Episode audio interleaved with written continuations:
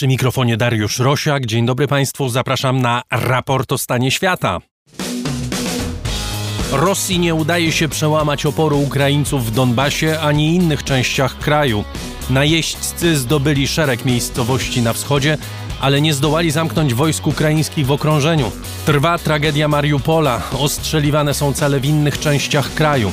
Prezydent Załęski mówi, że Ukraina potrzebuje 7 miliardów dolarów miesięcznie, by odbudować kraj ze zniszczeń, a Bank Światowy ocenia, że odbudowa infrastruktury ukraińskiej zdewastowanej przez Rosjan do tej pory będzie kosztować 60 miliardów dolarów. Po raz pierwszy od początku wojny Polskę opuściło więcej uchodźców ukraińskich niż do niej wjechało. Czy to oznacza stabilizację w napływie uchodźców? Jak radzą sobie polskie i europejskie służby? Co dzieje się na granicy polsko-białoruskiej i czy dramaty, które tam mają miejsce, to część tej samej tragedii? Francja wybiera prezydenta w drugiej turze wyborów. W sondażach prowadzi Emmanuel Macron, ale zwolennicy Marine Le Pen mobilizują się na niedzielę. Dlaczego żadnego z tych kandydatów nie wspiera większość Francuzów? Na Sri Lance gwałtowne protesty społeczne. Dlaczego Lankijczycy mają dość prezydenta i jego rodziny? Brytyjski premier Boris Johnson znów w opałach. Wraca sprawa imprez organizowanych przy Downing Street w okresie pandemii. Rząd chce też wysyłać migrantów do centrów przesiedleńczych w Rwandzie, gdzie mieliby oczekiwać na decyzję w sprawie przyjęcia na wyspy. Opozycja i organizacje społeczne oburzone pomysłem. W Szwecji rozruchy po tym, jak jeden z polityków zapowiada publiczne palenie Koranu. Skąd takie pomysły w kraju, gdzie mieszkają tysiące muzułmanów? To wszystko w raporcie o stanie świata 23 kwietnia 2022 roku. Raport o stanie świata to program wspierany przez słuchaczy. Za wszelkie wpłaty z serca Państwu dziękuję, bo to dzięki nim nasz program istnieje i każdy, kto chce, może go posłuchać za darmo. Przypominam, że jeśli ktoś chciałby dołączyć do coraz liczniejszego grona patronów raportu, może to zrobić wchodząc na mój profil w serwisie patronite.pl. W ten sposób najłatwiej nas wesprzeć. Adrian Bąk jest dziś wydawcą, Chris Wawrzak realizuje program. Jesteśmy w studio Efektura w Warszawie.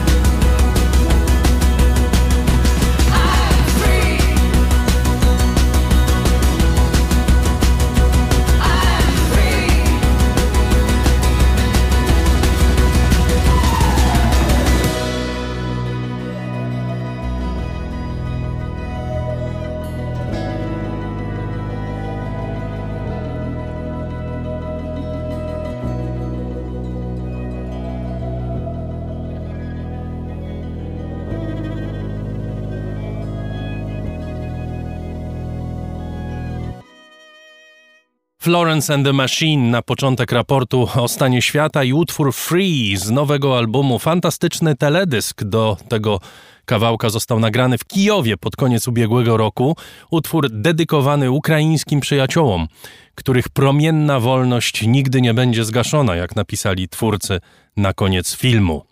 W tym tygodniu po raz pierwszy od początku wojny więcej ludzi wróciło do Ukrainy z Polski niż próbowało z niej uciec przed wojną.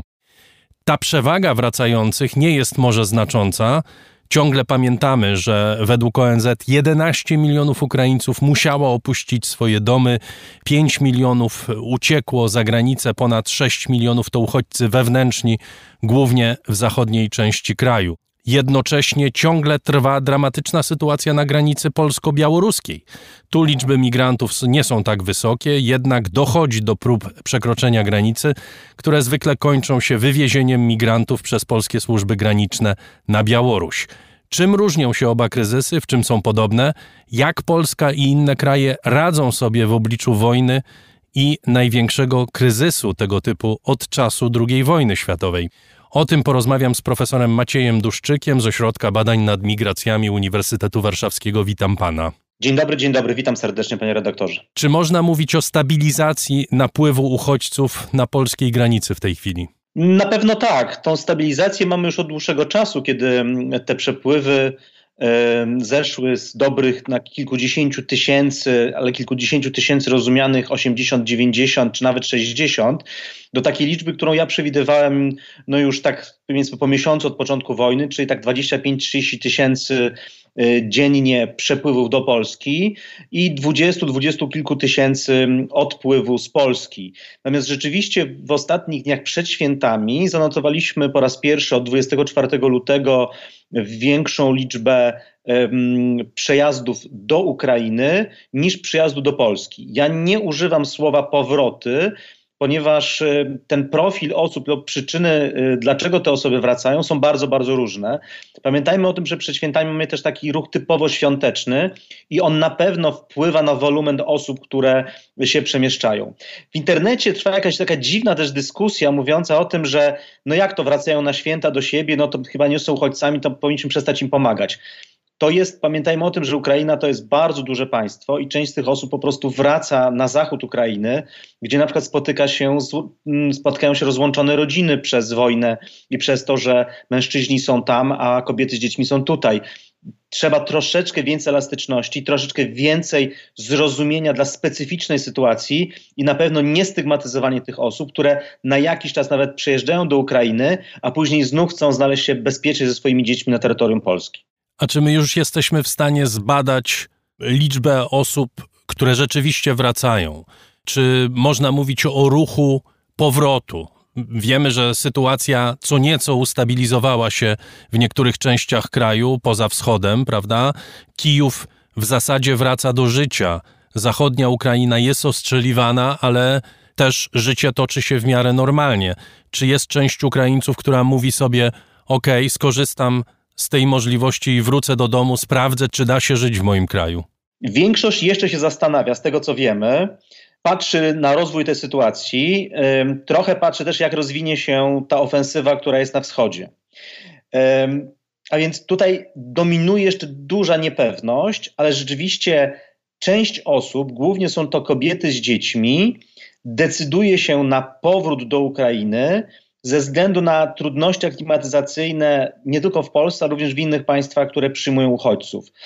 Nie wszyscy są w stanie zaakceptować tą tymczasowość. E, wśród uchodźców znajdują się bardzo różne osoby, również z punktu widzenia takiego społecznego, i część z tych osób bardzo źle się po prostu czuje e, poza własnym krajem, poza własnym regionem pochodzenia. Jeszcze raz chcę powiedzieć, że mamy, roz, mamy jednak bardzo często rozłączone rodziny i to jest też przyczyna powrotów, czyli to ten powrót nie jest takim powrotem już do państwa, które już ustabilizowane, tylko raczej wyjazdem ze względu na trudności z aklimatyzacją. Y, Mer Kijowa apeluje jeszcze, żeby nie wracać do Kijowa, że jeszcze Kijów nie jest przygotowany na, pe na pewne otwarcie życia. My oczywiście patrzymy na to z radością, że te, te, to życie wraca do pewnej normalności, ale jednak to jest cały czas jeszcze miejsce, w, które, w którym nie da się bezpiecznie planować swojego życia, chociażby wrócić do pracy. A więc jeżeli by teraz wszyscy Ukraińcy wrócili do Kijowa, to też będzie problem dostarczaniem żywności, dostarczaniem e, wody itd., tak itd. Tak Pamiętajmy o tym, że jeszcze mamy również miejscowości pod Kijowem, które zostały jednak w dużej części zniszczone i rozsądnie jeszcze byłoby poczekać na to, aż się władze tych, tych regionów już przygotują na ten powrót i dadzą sygnał, tak, spokojnie już możecie wszyscy wracać. Kryzysy uchodźcze raczej jeszcze też w państwie, które toczy wojnę, są, powinny być jednak bardzo racjonalnie rozważane, ponieważ jeżeli duża część osób wróci, a nie daj Boże coś by się wydarzyło, to będziemy mieli trochę powtórkę z poprzedniego czasu, a więc tutaj ja bym zalecał większą rozwagę z doświadczenia innych kryzysów migracyjnych, większą rozwagę i nie podejmowanie jeszcze decyzji pod wpływem impulsu. E, poczekajmy, aż się ta sytuacja troszkę lepiej e, ustabilizuje. Natomiast to, co wszystko mówię, nie dotyczy takich krótkich wyjazdów, a więc cały czas moje dzieci są tutaj, ale ja jeżeli chcę odwiedzić swoich rodziców, czy zobaczyć, tak jak pan redaktor powiedział, na miejscu wygląda sytuacja, to jak najbardziej to jest coś zasadnego. Ale jeszcze bym takim powrotem typowym się chyba wstrzymał. Widziałem y, pańskie wyliczenia, z których wynika, że jeśli podliczy się właśnie te napływy i odpływy, mówiąc nieładnie, y, uchodźców, to mniej więcej milion trzysta tysięcy Ukraińców y, wypędzonych przez wojnę znajduje się w tej chwili w Polsce. Dobrze rozumiem? Tak, y, do tego jeszcze musimy doliczyć tą relokację, która jest w ramach Unii Europejskiej. To się bardzo trudno liczy. Ja to liczę na podstawie danych, które są często w mediach lub na oficjalnych stronach podawane przez poszczególne państwa członkowskie Unii Europejskiej, Kanadę i Stany Zjednoczone, jeszcze Izrael, bo to są te główne państwa, które przyjmują uchodźców z Ukrainy. I wychodzi mi, że mniej więcej, tak jak sobie trochę, trochę to estymuję, to mniej więcej 800 tysięcy przejechało przez Polskę. Czyli od tej pełnych liczb trzeba jeszcze odjąć tych, którzy wyjechali z Polski, potraktowali Polskę jako, jako, czas, jako kraj tranzytowy i mamy rzeczywiście ich taką linię, ta lista, liczba się mniej ustabilizowała na poziomie 1,3, 1,4 miliona. Natomiast to nie są cały czas te same osoby. Czyli w tych 1,4 miliona mamy osoby, które są od dwóch miesięcy w Polsce, ale są też takie osoby, które przyjechały wczoraj. Ale również też takie osoby, które spędziły już, znaczy w tych 800 tysiącach, które wyjechały, mamy osoby, które spędziły na przykład w Polsce jeden dzień i pojechały dalej, ale też takie, które spędziły miesiąc, ale zorganizowały sobie jakieś inne miejsce i wyjechały. To jest naprawdę na razie bardzo duża mobilność.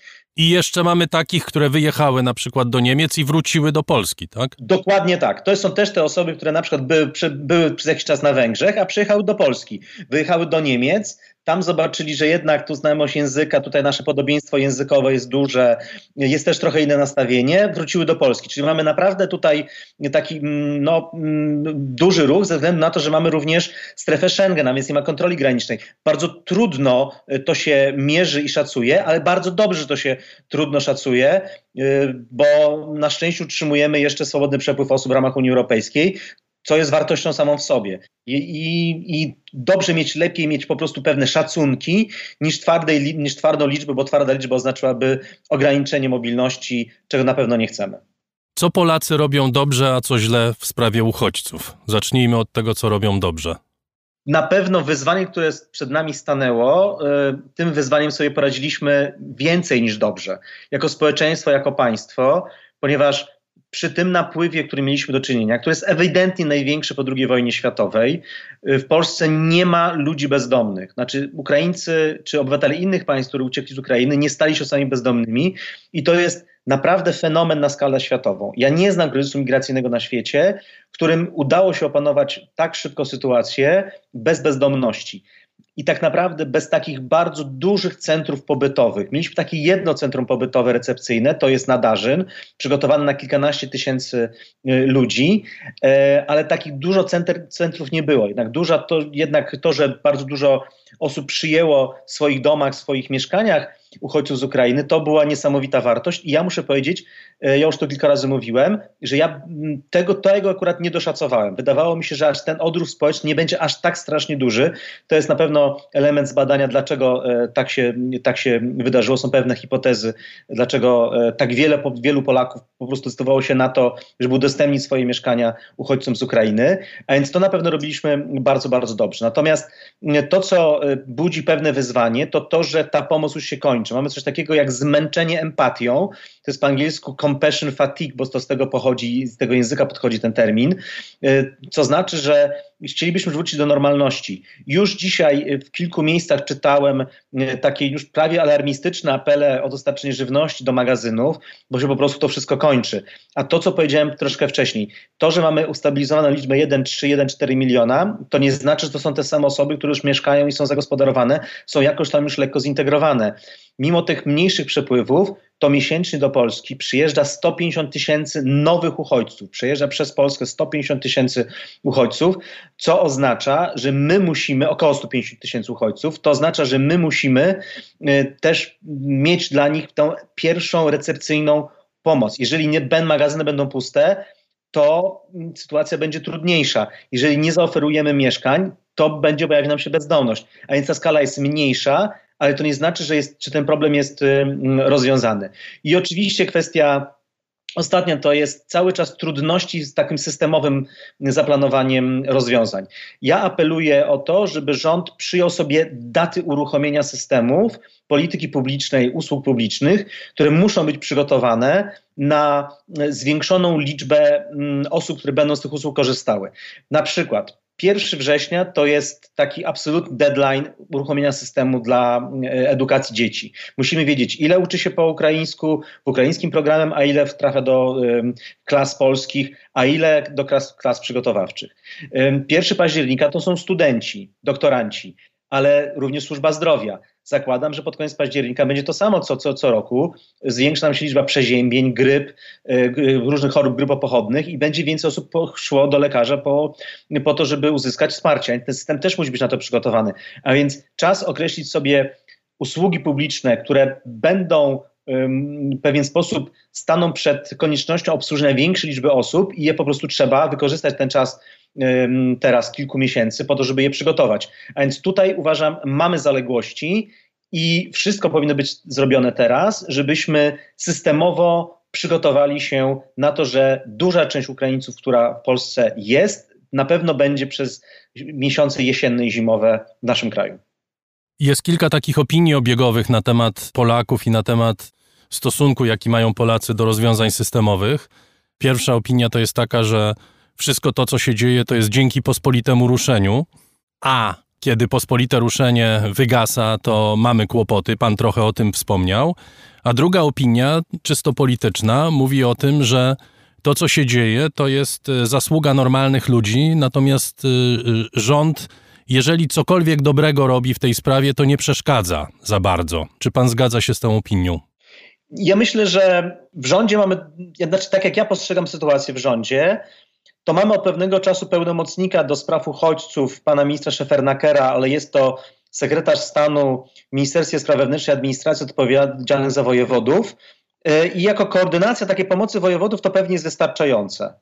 Natomiast e, wyzwanie, przed którym stoimy, mamy, jesteśmy krajem frontowym. Ja też mówiłem przed wojną, że prawdopodobnie Polska takim krajem frontowym się stanie e, i się stała i musimy się trochę zachowywać jak kraj frontowy. A więc jeżeli mamy tego typu wyzwanie, to powinniśmy mieć na pewno e, bardzo wysoko postawionego urzędnika, tak naprawdę polityka e, e, typu wicepremier, który będzie autentycznie aktywny w koordynacji w całej naszej, całej jakby pomocy dla Ukrainy. Bo to nie chodzi tylko i wyłącznie o uchodźców, którzy są w Polsce, ale na przykład to również bardzo dobry pomysł, którym ja na początku wojny mówiłem o tym, że takie działanie powinno być zrealizowane. I ono zostało zrealizowane. Pan premier w ostatnich dniach przed otworzył koło Lwowa pierwsze takie e, miasteczko e, modułowe dla uchodźców wewnętrznych. Bardzo dobrze, ponieważ chcielibyśmy, żeby duża część tych osób nie przekraczała granicy Polski, tylko żeby uzyskała tą pierwszą pomoc, wsparcie w państwie swojego pochodzenia, czyli,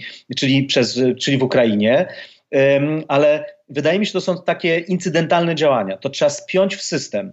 I spiąć to w, może w system tylko ktoś, kto będzie miał jednak pozycję wicepremiera i będzie mógł wydawać polecenia ministrom konstytucyjnym. Z całym szacunkiem dla ministra Szefernakera, on nie może na przykład zmusić pana ministra Czarnka, czy panią minister Malą, czy pana ministra Niedzielskiego do bardzo konkretnych y, działań. On może to technicznie zorganizować. Potrzebujemy po prostu kogoś takiego, który będzie zepnie wszystko w swoim ręku, tego typu pomoc i, i po prostu ten system zacznie y, lepiej funkcjonować. Czyli y, na pewno jest to, y, bardziej zgadzam się z tym pierwszym stwierdzeniem, mówiącym o tym, że że to wszystko dzieje się odruchem e, serca milionów Polaków.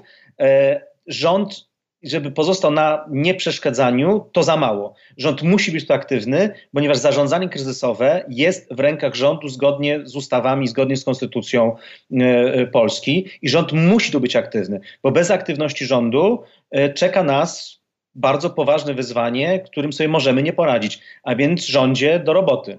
Ale zgodzi się pan chyba z tym, że y, te wszystkie y, takie kasandryczne wizje, które przy każdego rodzaju kryzysie y, zwykle się pojawiają w odniesieniu do Polaków, prawda? I kiedy zaczęliśmy się szczepić, ja pamiętam wybitnych znawców i specjalistów, którzy mówili, że Polacy nie dadzą rady, że my się będziemy szczepić 5 lat. Okazało się, że w kilka miesięcy ci, którzy chcieli się zaszczepić, to się zaszczepili, a ci, którzy się nie chcą zaszczepić, to żeby ich wołami ciągnąć y, do przychodni, to tego nie zrobią, prawda? Oczywiście, że można powiedzieć, że rząd mógł zrobić więcej albo y, podjąć jakieś inne działania, no ale generalnie to były decyzje ludzi. Ponad 800 tysięcy PESELi zostało udzielonych w ciągu kilku tygodni, powiedzmy sobie szczerze, prawda? Dzieci y, ukraińskie już się uczą w polskich szkołach. Pan namawia do tego, żeby y, zmobilizować się i żeby y, stworzyć program, jasne systemowe rozwiązania, jak najbardziej, ale być może my przesadzamy w krytyce zarówno Polaków, samych siebie, do czego mamy skłonności, jak i tego rządu, który ponoć nic nie robi. Ja mam wysoko postawioną poprzeczkę akurat w tym, w tym przypadku, ponieważ wydaje mi się, że można te rzeczy zrobić lepiej, ponieważ ja już też bardzo często o tym mówię. Zarządzanie kryzysem migracyjnym to nie jest jakoś bardzo skomplikowane działanie. Ludzie mają bardzo takie podstawowe potrzeby i je po prostu w pewien sposób trzeba zaadresować. Trzeba znaleźć odpowiedź na te potrzeby. I teraz, jeżeli weźmiemy sobie te dwa przykłady, o których Pan powiedział, mianowicie kwestia PESEL-i. Ja mówiłem, że PESEL, zawsze mówiłem, doradzałem rządowi, e, że PESEL to jest bardzo dobry pomysł, że on rozwiąże na tysiące rzeczy, ale doradzałem o tym, żeby rozłożyć kolejki, po to, żeby nie było w tym pierwszym okresie dużych problemów. I niestety moje przepowiednie się sprawdziły. Kolejki były bardzo duże, ludzie musieli stać po 5, 6, 7 razy z dziećmi, jednak na mrozie po to, żeby dostać numerek, czy po to, żeby mm, dostać się wreszcie do urzędnika, który to wydawał. Zostało to zrzucone jednak na barki samorządów. Samorządy jakoś sobie z tym poradziły, ale pamiętajmy o tym, że minęło już, tak jak pan redaktor powiedział, kilka dobrych tygodni, a Warszawa czy, czy Kraków, czy Wrocław nadal jeszcze nie obsłużyły wszystkich chętnych, a numerki są na koniec maja. A więc y, oczywiście PESEL, bardzo dobry pomysł. Ustawa jeśli chodzi o nadawanie PESELi, y, dobrze tak została, że to, to zostało prowadzone, ale system można było przewidzieć, zaprogramować jednak lepiej. Będę bronił tego, tego, tego y, takiego podejścia. Jeżeli chodzi o edukację, y, Panie redaktorze, mamy przypadek Warszawy. Ja wczoraj byłem na spotkaniu, którym z władzami Warszawy, ale również bardzo dużo organizacji międzynarodowych, taka wymiana informacji, co się dzieje w Warszawie. E, i w Warszawie szacunek mówi o 150 tysiącach dzieci, a w polskich szkołach jest 16 tysięcy dzieci. Pytanie jest, co się dzieje z resztą, czyli 11%. A więc e, większość z nich, jak e, mówi, jak, jak z tego, co mówią urzędnicy ratusza, to są, osoby, to są Ukraińcy, ukraińskie dzieci, które uczą się zdalnie z ukraińskiego programu, ale same sobie to zorganizowały. Tutaj minister Czarnek, Ministerstwo Edukacji no nie za wiele pomogło. Poza tym rozporządzeniem, które umożliwi, tak naprawdę umożliwiło technicznie, umożliwiło jakby, przepraszam, programowo tak naprawdę to, tą, tę sytuację. A więc to znów w dużej części samorządy. Y, ja powiem następujący sposób. Kiedy robiłem taki mały research, to na przykład dyrektorzy szkół udostępniali laptopy, te, które były na pandemię przewidziane. Skończyła się pandemia, weszliśmy do, do nauczania normalnego, pozostały laptopy, które były wtedy zakupione i one poszły do ukraińskich dzieci, żeby mogły uczyć się ukraińskim programem. Okej, okay, tylko że to wszystko nadal jest element trochę pospolitego ruszenia, niż całościowego rozwiązania problemu. Dlatego mówiliśmy o tym, y, że muszą być trzy różne modele uczenia dzieci w trzech takich, takich, takim hybrydowym podejściu. W polskich szkołach, klasy przygotowawcze i ukraińskie programy. Jeżeli by drugiego dnia czy trzeciego dnia po wybuchu konfliktu, po wybuchu wojny ktoś o tym pomyślał, to bylibyśmy w innej sytuacji. Natomiast przez wiele tygodni było takie podejście, że y, wszystkie te dzieci muszą trafić do polskich szkół. Jak się okazało, że to jest niemożliwe, to wprowadzono inne rozwiązanie. I teraz jeszcze mamy jeden problem, mi się wydaje, ponieważ jakby głośny tweet pani minister, pani, przepraszam, kurator Nowak z Krakowa, y, jakby pokazuje, że mm, to, że część tych dzieci nie poszło do polskiej szkół albo nie chce zdawać egzaminu ósmoklasisty po polsku, to jest jakiś e, zamach na polskość. No ja tego kompletnie nie jestem w stanie zrozumieć. Znaczy, jaki w ogóle kompletny brak empatii w tym przypadku nastąpił e, do uchodźców, którzy znaleźli się nie ze własnej winy, nie z własnej woli w państwie, które obiecuje im zająć się ich trochę problemami. A więc wydaje mi się, że e, rząd bardzo dużo zrobił, zaplanował w pewien sposób, ale ostatecznie robią to ludzie, dyrektorzy szkół, samorządy i tak dalej. Może powinno też to tak w pewien sposób wyglądać, ale to jest system decentralizowany. Ktoś za coś on bierze odpowiedzialność, ktoś to w pewien sposób programuje i następnie dostarcza środków, żeby to można było zrealizować. A proszę powiedzieć, czy przynajmniej w sprawie uchodźców rząd y, polski przeprosił się z Unią Europejską? Czy rola Unii Europejskiej w tym systemie, który w tej chwili funkcjonuje, w tym ułomnym systemie, y, jest jakkolwiek znacząca? Ja y, w ostatnim, jednym z ostatnich swoich wpisów na Twitterze napisałem, że y, może koniec tej, za przeproszeniem, idiotycznej dyskusji na temat środków z Unii Europejskiej. Moim zdaniem powinna być jedna obowiązująca zasada po pierwsze, występujemy wszystko, o co jest możliwe. Po drugie, e, monitorujemy o to, żeby jak najszybciej zrealizować to, o co poprosiliśmy. A po trzecie, prosimy o więcej, bo przygotujemy się, przygotowujemy się na maraton pomocy. To powinno być obowiązująca zasada w kontaktach z Unią Europejską, z państwami członkowskimi itd. Tak itd. Tak My jesteśmy państwem frontowym i możemy w pewien sposób narzucać klimat dyskusji. Ja nie rozumiem, dlaczego my tego nie chcemy zrobić. Nie, no rozumie pan, e, nie chcemy tego zrobić, dlatego że mamy non-stop konflikt z Unią Europejską i ten konflikt jest nierozwiązany i nie ma decyzji, które by sprawę w jakikolwiek sposób załagodziły. Jest tylko mowa o tym, że takie decyzje będą podjęte. To tylko tyle e, się dzieje. Panie redaktorze, oczywiście, tylko że ja bardzo bym chciał, żeby moje państwo i mój rząd nie wykorzystywał uchodźców do rozgrywki z Unią Europejską. A więc jeżeli jest KPO, jeżeli jest kwestia e, Izby Dyscyplinarnej itd., tak itd., tak to jest jeden element konfliktu tego rządu z Unią Europejską, z Komisją Europejską, z Parlamentem Europejskim, z instytucjami unijnymi, bo tak chyba o tym trzeba, trzeba mówić. Natomiast czym innym jest dzisiaj pomoc i wsparcie dla uchodźców. Niech uchodźcy nie będą zakładnikami kompletnie innego tematu. Przecież proszenie o występowanie, nie proszenie, bo to nie jest proszenie, występowanie o środki, które nam się należą ze względu na udzielaną pomoc uchodźcom, jest czym innym niż konflikt o Izbę Dyscyplinarną dotyczącą Krajowego Programu Odbudowy to jakby to są dwie rozdzielne rzeczy. Tym bardziej, że Unia Europejska nie ma absolutnie żadnego problemu z udzielaniem takiej pomocy, prawda? To też trzeba powiedzieć. Absolutnie nie ma żadnego problemu. I powiem więcej, reakcja, jakby przygotowanie Unii Europejskiej mnie nawet zaskoczyło, bo byłem przewidziany, że te, że te procedury będą dużo dłuższe. Jeżeli informacja przychodzi z Komisji Europejskiej, możecie wszystkie zresztówki z poprzedniej perspektywy finansowej wydawać na uchodźców, no to chyba to jest bardzo dobra informacja. Jeżeli projekt React jest uruchomiony dwa czy trzy miesiące wcześniej niż był planowany, może też za późno, to ja nie mówię o tym, że, to, że nie można było tego zrobić wcześniej. Tak samo, tak samo jak mam pretensje do polskiego rządu o to, że y, pewne działania dobrze zaplanowane, nie zostały ostatecznie dobrze wdrożone, dobrze zrealizowane, a my o tym, o tym przestrzegaliśmy. Tak również mam pretensje do niektórych dyrektoriatów Unii Europejskiej, mówiąc o tym, że dlaczego to szybciej nie działa, dlaczego pewne procedury są, ale one tak są szybsze niż były przewidywane. Tylko jeżeli byśmy mieli dzisiaj codziennie konferencję prasową premiera mówiąc o tym, wystąpiliśmy o takie i takie środki do Komisji Europejskiej, nadal ich nie mamy na naszych kontach. Proszę powiedzieć, dlaczego takich tych pieniędzy nie mamy, to jednak ten nacisk na również urzędników brukselski byłby dużo większy niż informacja mówiąca, dajemy sobie świetnie radę sami, nie będziemy o nic występować, bo jesteśmy bogatym państwem, które sam sobie z tym poradzi. No są dwa różne komunikaty. Panie profesorze, czy to znaczy, z tego co pan mówi, wynika, że nie ma pieniędzy unijnych zaangażowanych w pomoc dla uchodźców Ukra z Ukrainy w Polsce? Są oczywiście, ja nie umiem podać dokładnej liczby. Bo nikt tego nie wie. Rzeczywiście nie, my nie mamy żadnych deklaracji ze strony rządu. Wnioskujemy o pomoc.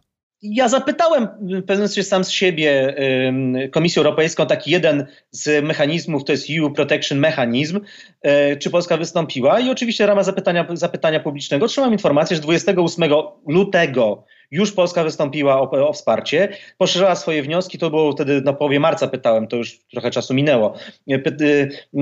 Poszerzała swoje wnioski bodajże 4 i 8 marca i pewnie kilkakrotnie to poszerzyła. Także oczywiście te pieniądze są i to wsparcie jest, tylko my nie wiemy ile i nie wiemy dlaczego nie chcemy więcej. Tak jak powiedziałem, powinniśmy występować o wszystko, co leży na stole, monitorować, dlaczego tego jeszcze nie ma na naszych kontach, a ponadto występować o jeszcze więcej, bo to się nie skończy jutro, pojutrze. E, a wydaje się, wydaje się nam, że w ramach Solidarności Europejskiej, w ramach wartości Unii Europejskiej, o których tak bardzo wiele mówimy, nie tylko i wyłącznie częściowo w Polsce, również w innych państwach, to pomoc uchodźcom z Ukrainy jest jednym z takich naczelnych rzeczy i na pewno pieniądze by się na to znalazły. Ja bym powiem, powiedział, powiedziałbym nawet więcej. Zaryzykowałbym, że pewnie z 10% całego budżetu Unii Europejskiej mogłoby pójść na bardzo szerokie działania związane z wojną w Ukrainie, w tym na pomoc uchodźcom, w tym na odbudowę Ukrainy. Ale kto ma być adwokatem Ukrainy, jeśli chodzi o budżet Unii Europejskiej um, i później odbudowę Unii Europejskiej? Kto ma być adwokatem o wsparcie dla uchodźców, jak nie Polska? Polska musi tu być adwokatem i musi bardzo mocno artykułować nasze potrzeby w tym zakresie. Jak wygląda obecnie sytuacja na granicy polsko-białoruskiej? Źle. Wygląda źle. Oczywiście skala jest y, mniejsza niż to, co mieliśmy w połowie roku, co się zaczęło, natomiast oczywiście główny, główny czas tego mm, problemu, tego wyzwania to był y, wrzesień, październik, listopad 2021 y, roku. Mamy codziennie próby przekraczania granicy, natomiast one związane są trochę z desperacją tych ludzi, ponieważ ten ośrodek, który był po stronie białoruskiej, po prostu został zamknięty. Ci ludzie przez Białorusinów zostali wyrzuceni do lasu i mm, po prostu poganiani przez służby, brutalnie przez służby białoruskie, próbują przedostać się na terytorium Polski. To znaczy operacja ze strony białoruskiej została zakończona, oni się wycofali i zostawili tych ludzi samym sobie trochę samym sobie, ale również nie, nie, pozwalając im wyjechać z Białorusi. Czyli cały czas oni grają trochę tą grę. Ja nie chcę powiedzieć, że Łukaszenka całkowicie to odpuścił. On cały czas jakby, bo co mógłby zrobić? Mógłby po prostu wsadzić tych ludzi w samolot i odesłać do państw pochodzenia. Ich nie jest tak przecież dużo, to jest prawdopodobnie kilkaset osób, które zostało. A więc to naprawdę nie są jakieś bardzo duże liczby. Nie chce tego zrobić, e, no bo musiałby się przyznać też do błędu. A z drugiej strony na pewno myśli sobie, że dobrze tutaj jeszcze denerwować Polaków e, takim napięciem po stronie granicy białorusko-ukraińskiej, białorusko-polskiej, przepraszam. Na pewno jest to w jego planie, a tego, to jest moje, dla mnie, dla mnie to jest mm, absolutna oczywistość. Natomiast to jest też kwestia pytania o reakcję, o reakcję państwa. Jeżeli budujemy ten mur, który kosztuje nas miliard sześćset milionów i on ma zablokować ten ruch nielegalny z Białorusi, to chyba naprawdę niczym strasznym nie byłoby przyjęcie tych pewnie maksymalnie może kilkuset osób, rozpatrzenie ich wniosków, ewentualnie deportowanie, jeżeli, te, jeżeli ten status uchodźcy im się nie należy, ewentualnie jeżeli to porozumienie z Niemcami byłoby jakoś tam możliwe, że część z nich po prostu od razu wyjedzie do Niemiec, bo Niemcy to deklarowali w pewnym momencie, na przykład Monachium to deklarowało, więc może trzeba by otworzyć jeszcze tamte dyskusje i po prostu ten problem rozwiązać czasa dobrze. No za chwilę będziemy mieli, tak jak powiedziałem, ten mur, który ma być podobno w czerwcu, to, czyli tak naprawdę dwa miesiące i, i to już jest kwestia do szybkiego rozwiązania. Ja naprawdę nie rozumiem, dlaczego Polska chce cały czas jakby grzać tą sytuację i mieć ten problem na, na granicy polsko-białoruskiej, skoro on jest do rozwiązania. Ja też nie mogę zrozumieć jeszcze jednego. Cały czas Ministerstwo Spraw Zagranicznych twierdzi, e, bo nie odwołało tego, ja nie słyszałem, że Białoruś jest państwem bezpiecznym dla uchodźców. Bo taka narracja była, że Białoruś jest niebezpieczna dla opozycjonistów białoruskich, ale jest bezpieczna dla uchodźców. No to patrząc to, co się dzieje na stronie białoruskiej, to chyba to stanowisko powinno zostać absolutnie najszybciej jak możliwe zmienione. Powiedzieć o tym, że, że państwo białoruskie jest bezwzględne w stosunku do traktowania osób, które znalazły się na ich terytorium, a które jest, istnieje duże prawdopodobieństwo, że, są, że mogą ubiegać się o status, o ochronę międzynarodową na, terytorium, um, na terytorium Unii Europejskiej, prawda? Ja nie jestem rzecznikiem MSZ-u, ale być może ten argument bierze się stąd, że wszyscy ci ludzie, którzy przylecieli na Białoruś, zrobili to z własnej woli. Z własnej woli przyjechali na Białoruś i mogli występować, w pewien, sposób występować tam o nadanie statusu uchodźcy, bo Białoruś jest przecież stroną konwencji genewskiej.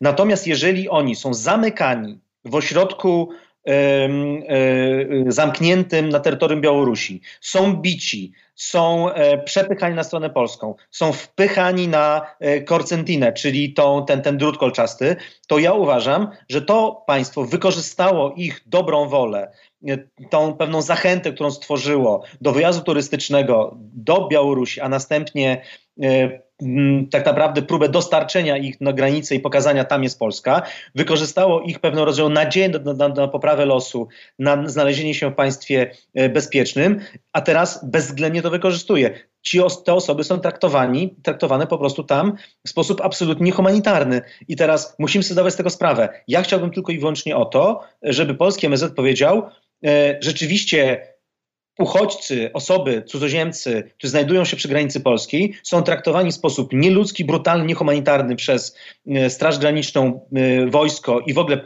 państwo białoruskie, bo to by miał istotne znaczenie również dla polskiej polityki i traktowania tych osób w Polsce. Jeżeli takiej informacji nie ma, że nadal podtrzymujemy stanowisko, że oni są świetnie traktowani, że w ogóle mogą tam się ubiegać o status uchodźcy, na pewno go dostaną im, i Białoruś udzieli im wszelkiego wsparcia, to chyba żyjemy w jakimś Matrixie to może nie chodzi o to, że oni są tam świetnie traktowani, tylko państwo polskie po prostu umywa ręce. Mówi, skoro ci ludzie tam przyjechali, to jest ich problem, a nie nasz, prawda? Jak pan w ogóle ocenia całą tę sytuację, no już mając wiedzę na temat tego, co się działo w kolejnych miesiącach i co się wydarzyło w lutym e, tego roku? Są takie głosy, wiele wskazuje na to, że Cała ta operacja przerzucania migrantów na polską granicę była koordynowana z Rosjanami. Są również tacy e, komentatorzy, którzy twierdzą, że to był w gruncie rzeczy początek jakiejś hybrydowej wojny, w której Polska była również stroną.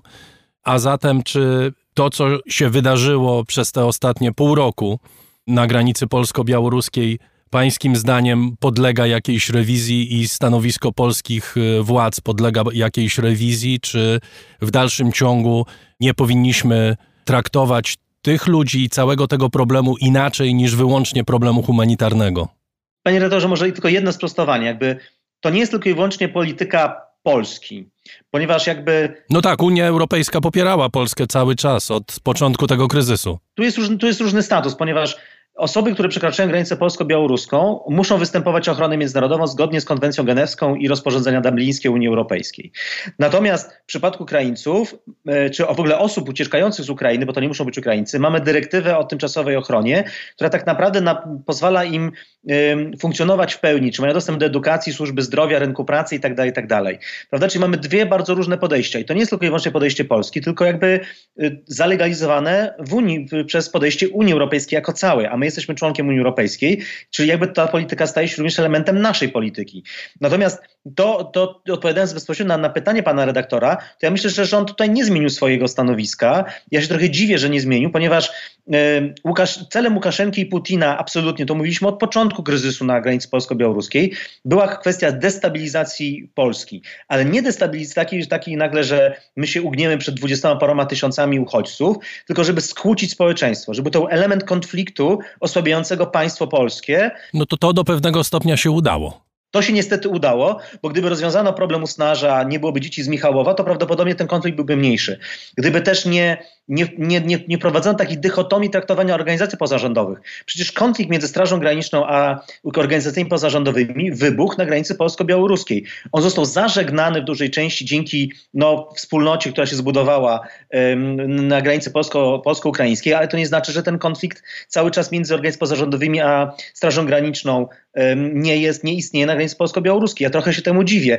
A więc jeżeli chcemy zarządzić tymi kryzysami, to mamy kilku aktorów, którzy są kluczowi. To jest państwo, to są organizacje pozarządowe, to są samorządy, to, jest, to, są, to jest społeczeństwo obywatelskie. Musimy poszukiwać tutaj pewnego rodzaju kompromisów, jeżeli chcemy wyjść wzmocnieni, a nie osłabieni tym konfliktem. I teraz proszę zwrócić uwagę, jak świetnie zadziałaliśmy na granicy polsko-ukraińskiej. Ja nie chcę powiedzieć, że mogliśmy podobnie zadziałać na polsko-białoruskiej, bo na pewno nie, ale Putin, który chciał zdestabilizować nie przez, y, nie przez w tym momencie małą liczbę uchodźców, tak jak to było na, na granicy polsko-białoruskiej, tylko na bardzo dużą liczbę uchodźców, nie zdestabilizował nas, bo my jako państwo, jako Polacy świetnie zareagowaliśmy. I ja muszę powiedzieć, że, że myślę, że na Kremlu wszyscy zastanawiają się, jakim cudem Polakom udało się recepcyjnie zarządzić taką liczbą y, imigrantów, bo przecież to miało nas absolutnie pogrążyć, zdestabilizować, to, że Polska będzie staczała się w jakąś otchłań ubóstwa. A tak się po prostu y, nie stało, czyli to jest kolejny nieudany plan Putina. Ale w przypadku granicy polsko-białoruskiej, to wbrew pozorom, mimo tego, że mimo tego, że ten mur tam jest budowany i, i, y, i mamy inną sytuację, to jednak większy sukces ma Łukaszenka, ponieważ my się cały czas kłócimy o, tą, o te kilkaset osób, które jest po stronie białoruskiej. Jeżeli by nam udało się znaleźć jakieś rozwiązanie, które by z jednej strony pozwoliło przyjąć te osoby, a z drugiej strony zgodzić się już na ten mur. Niech ten mur powstanie, niech ta granica będzie strzeżona, bo ona musi być strzeżona, to jest dla mnie oczywiste. A gdybyśmy za zawarli jakiś taki konsensus, my już nie mówimy o tym murze, że ten mur już jest, on ma nas zabezpieczyć nas na przyszłość i tak dalej, i tak ale pomóżmy tym ludziom, którzy tam są, tym również kobietom z dziećmi, osobom, które tam są.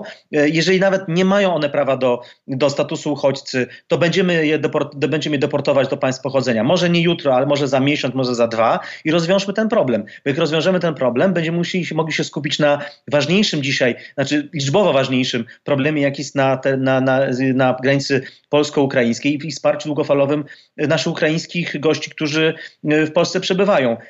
Próbujmy nie rozpętywać konfliktu również wewnętrznego na dodatkowych frontach, które są kompletnie niepotrzebne. A więc tutaj to jest też taki mój apel w pewien sposób, żeby jeszcze raz przemyśleć tą politykę i zamknąć temat granicy polsko-białoruskiej, co jest możliwe, mi się wydaje, cały czas, bo ten mur, tak jak powiedziałem, przez za chwilę będzie, a z drugiej strony skupić się na tym, żeby udzielać pomocy um, Ukraińcom w Polsce, żeby ten plan Putina zdestabilizować Polskę przez, przez, przez uchodźców nie wystąpił, żeby również nas nie nastąpiła resentymenty konfliktu polsko polsko-ukraińskiego, bo na pewno to flanie Putina było. Panie profesorze, to są lekcje dla rządu, dla władz, bardzo cenne, ale być może też płynie z tego wszystkiego jednak lekcja również dla organizacji humanitarnych, dla ludzi, którzy pomagają uchodźcom, że rozumienie geopolityki, czy rozumienie polityki po prostu nie jest żadnym luksusem, na który sobie pozwalają urzędnicy którzy y, mają jakieś niecne cele i, i perfidne zamiary,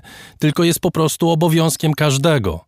Przecież pamiętamy na samym początku wezwania najbardziej zdecydowanych zwolenników wpuszczenia uchodźców y, czy migrantów z Białorusi brzmiały: należy ich wszystkich wpuścić, bo wszyscy mają prawo do tego, żeby przejść przez granicę i, i domagać się statusu uchodźcy.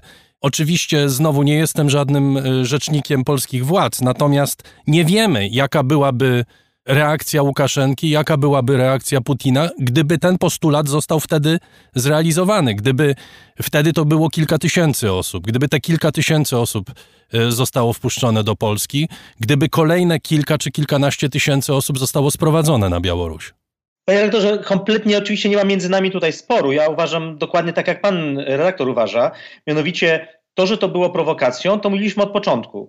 Ja, kiedy byłem pytany jeszcze wtedy, właśnie w sierpniu, e, powiedziałem, absolutnie trzeba strzec granicy. Nie każdy może przyjechać, bo to jest e, prowokacja. Ale natomiast, jeżeli już ktoś przeszedł przez tą granicę i znalazł się na terytorium Polski i nie zrobił tego w sposób e, brutalny, nie rzucał kamieniami, nie przecinał koncertiny itd., tak itd., tak to dla mnie oczywistym jest to, że taka osoba powinna być jednak objęta procedurą, y, która jest przewidziana w prawie. Chyba, że wypowiadamy konwencję genewską i wtedy jakby mamy trochę inne obowiązki. Ale to jest bardzo poważna decyzja. Jeżeli jakieś prawo Polsce obowiązuje, to on obowiązuje jednej strony prawa do strzeżenia granicy i y, również siłowego strzeżenia granicy, i nawet budowania tego muru, ale z drugiej strony, jeżeli ktoś już znalazł się na terytorium Polski, na przykład mieliśmy te przykłady ludzi w szpitalu w jednym czy w drugim, czy, czy Straży Granicznej, którzy byli kilkukrotnie wydalani z terytorium Polski bez procedury na terytorium Białorusi, no to jednak to było złamaniem prawa. Przyznał to nie tylko i wyłącznie e, e, sąd w Białymstoku, ale również e, te sprawy, które toczyły się na przykład przy, przeciwko Włochom, e, jeśli chodzi o ich pushbacki z 2016-2017 roku, no to jednak to jest złamanie prawa. Musimy być o tym świadomi.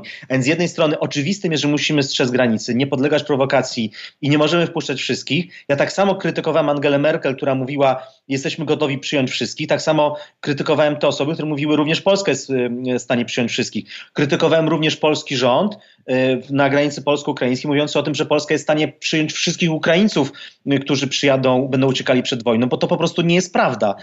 Y, po to jesteśmy w Unii Europejskiej, żeby te elementy relokacji również mogły występować. Pamiętajmy również o tym, że kilkanaście tysięcy Y, tych osób, które przekroczyły granicę polsko-białoruską, trafiło, przejechało przez Polskę i trafiło do Niemiec. A więc to też nie było tak, że to było do końca wszystko szczelne. Mieliśmy bardzo trudną sytuację, którą trzeba było, y, którą trzeba było zarządzać trochę ad hoc. I rzeczywiście nawoływanie, że przyjmujemy wszystkich i damy sobie radę, było całkowicie nieodpowiedzialne. Ale również wydalanie ludzi, którzy wnioskowali o azyl, czy, czy o status uchodźcy, czy inne formy ochrony międzynarodowej na stronę białoruską, gdzie byli traktowani w sposób absolutnie brutalny, też było nierozsądne. Więc tutaj należało znaleźć, jak we wszystkim, pewnego rodzaju y, kompromis, i który by przekonał większość społeczeństwa. Nie wszystkich, ale większość. Wtedy, by, wtedy społeczeństwo jest wzmocnione y, i dużo łatwiej mu jest przeciwstawiać się temu wrogowi zewnętrznemu. Najgorzej, kiedy mamy wroga zewnętrznego, bardzo poważnego, a jeszcze wymyślamy sobie, czy tworzymy sobie wrogów wewnętrznych, bo to jest coś bardzo niepokojącego, słabiającego wspólnotę. A więc jeżeli tam możemy sobie tych wrogów wewnętrznych w pewien sposób zminimalizować, tych liczby konfliktów, powinniśmy to robić. I wydaje mi się, że dzisiaj jesteśmy w takim etapie, że ten konflikt na granicy polsko-białoruskiej da się już rozwiązać, taki, żebyśmy trochę o nim zapomnieli. Tylko trzeba się cofnąć z obydwu stron. Z jednej strony aktywiści powinni jednak też zdawać sobie sprawę z tego, że mamy do czynienia z no, taką ekstraordynarną sytuacją i bezczelną, obrzydliwą grą z drugiej strony. Element tej wojny hybrydowej, które rzeczywiście mamy teraz wojnę hybrydową, bo wcześniej nie mieliśmy, wcześniej mieliśmy konflikt hybrydowy, teraz mamy wojnę hybrydową, bo są działania zbrojne na Ukrainie. E, przekonać z jednej strony aktywistów, a z drugiej strony jednak to, żeby przyjąć te osoby, które znajdują się po drugiej stronie Białorusi, jeżeli, jeżeli to jest możliwe i po prostu w tym momencie zablokować tą, tą możliwość przyszłych migracji poprzez ten mur, który tam, który tam jest. Wydaje mi się, że jakiś taki kompromis, to kompromis mógłby zostać zawarty. On nie będzie prosty, ale potrzeba dyskusji między obydwoma stronami, wymyślenia jakiegoś elementu, w jaki sposób ten problem rozwiązać. Zakopujemy ten konflikt, koncentrujemy się na, na wrogu zewnętrznym. Bardzo dziękuję. Profesor Maciej Duszczyk z Ośrodka Badań nad Migracjami Uniwersytetu Warszawskiego był gościem raportu o stanie świata. Dziękuję bardzo. Щоби його врятували воїни, щоб не боявся та нікого ти. Волю ти по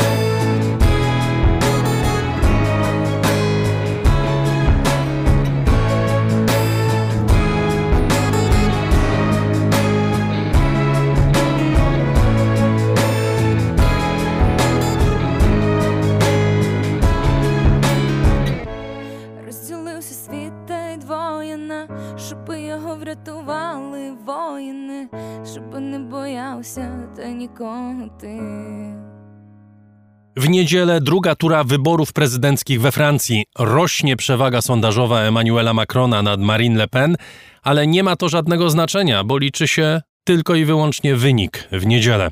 W środę oboje kandydatów starło się w debacie telewizyjnej. Lepiej sondażowo został oceniony w niej urzędujący prezydent, choć tak, zgadli Państwo, to też nie ma większego znaczenia. Co zatem ma znaczenie? Rozmawiałem o tym ze znamienitym gościem. Profesor Dominique Renier jest politologiem, wykładowcą Uniwersytetu Sciences Po w Paryżu i dyrektorem generalnym Instytutu Innowacji Politycznych. Na początek zwróciłem uwagę, że troje kandydatów Emmanuel Macron, Marine Le Pen i lider Francji Niepokornej Jean-Luc Mélenchon w pierwszej rundzie zdobyło ponad 20% głosów. Czy zatem Francja jest podzielona na takie trzy części, z których jedna nie będzie miała swojego prezydenta? To, co miało miejsce w niedzielę 10 kwietnia w pierwszej turze wyborów, potwierdza proces, który rozpoczął się w 1988 roku w wyborach prezydenckich, a mianowicie stopniowy wzrost protestu pewnej części elektoratu, który łączy się z różnymi innymi elementami, a mianowicie z jednej strony faktycznie pojawiają się głosy populistyczne czy antysystemowe, jakie w 1988 roku już się rozpoczęły głosami dla Jean-Marie Le Pena, który uzyskał wówczas ponad 14%. Pojawia się skrajna siła na lewicy, jaką ucieleśnia Jean-Luc Mélenchon, a w 2022 w pierwszej turze głosowanie na populistów czy na antysystemowców, gdyby to wszystko złączyć, to mamy 55,6% oddanych głosów. To dużo. Jest to poziom, który oczywiście nigdy wcześniej nie został osiągnięty. i który pobił poprzedni rekord z roku 2017, bo w 2017 roku, licząc w ten sam sposób, te siły antysystemowe uzyskały 48,4% oddanych głosów. Więc widać, że bardzo duży odsetek. Jest populizm lewicowy, prawicowy i inny. Jest Erim Zemmour, Nicolas Dupont-Aignan i inni. Ale jest jeszcze inny ważny czynnik, który ma coraz większe znaczenie, a mianowicie, a mianowicie absencja. Widzieliśmy w kwietniu 2002 roku ponad 2006, a dokładnie 26,3% osób nie poszło do głosowania i to jest bardzo wysoka wartość. To jest y, drugi najwyższy wynik po 2002 roku. Po słynnym 20 kwietnia 2002 roku wówczas to nie poszło do wyborów 28,4 wyborców. 22,2 lat temu, 10 lat temu w pierwszej turze.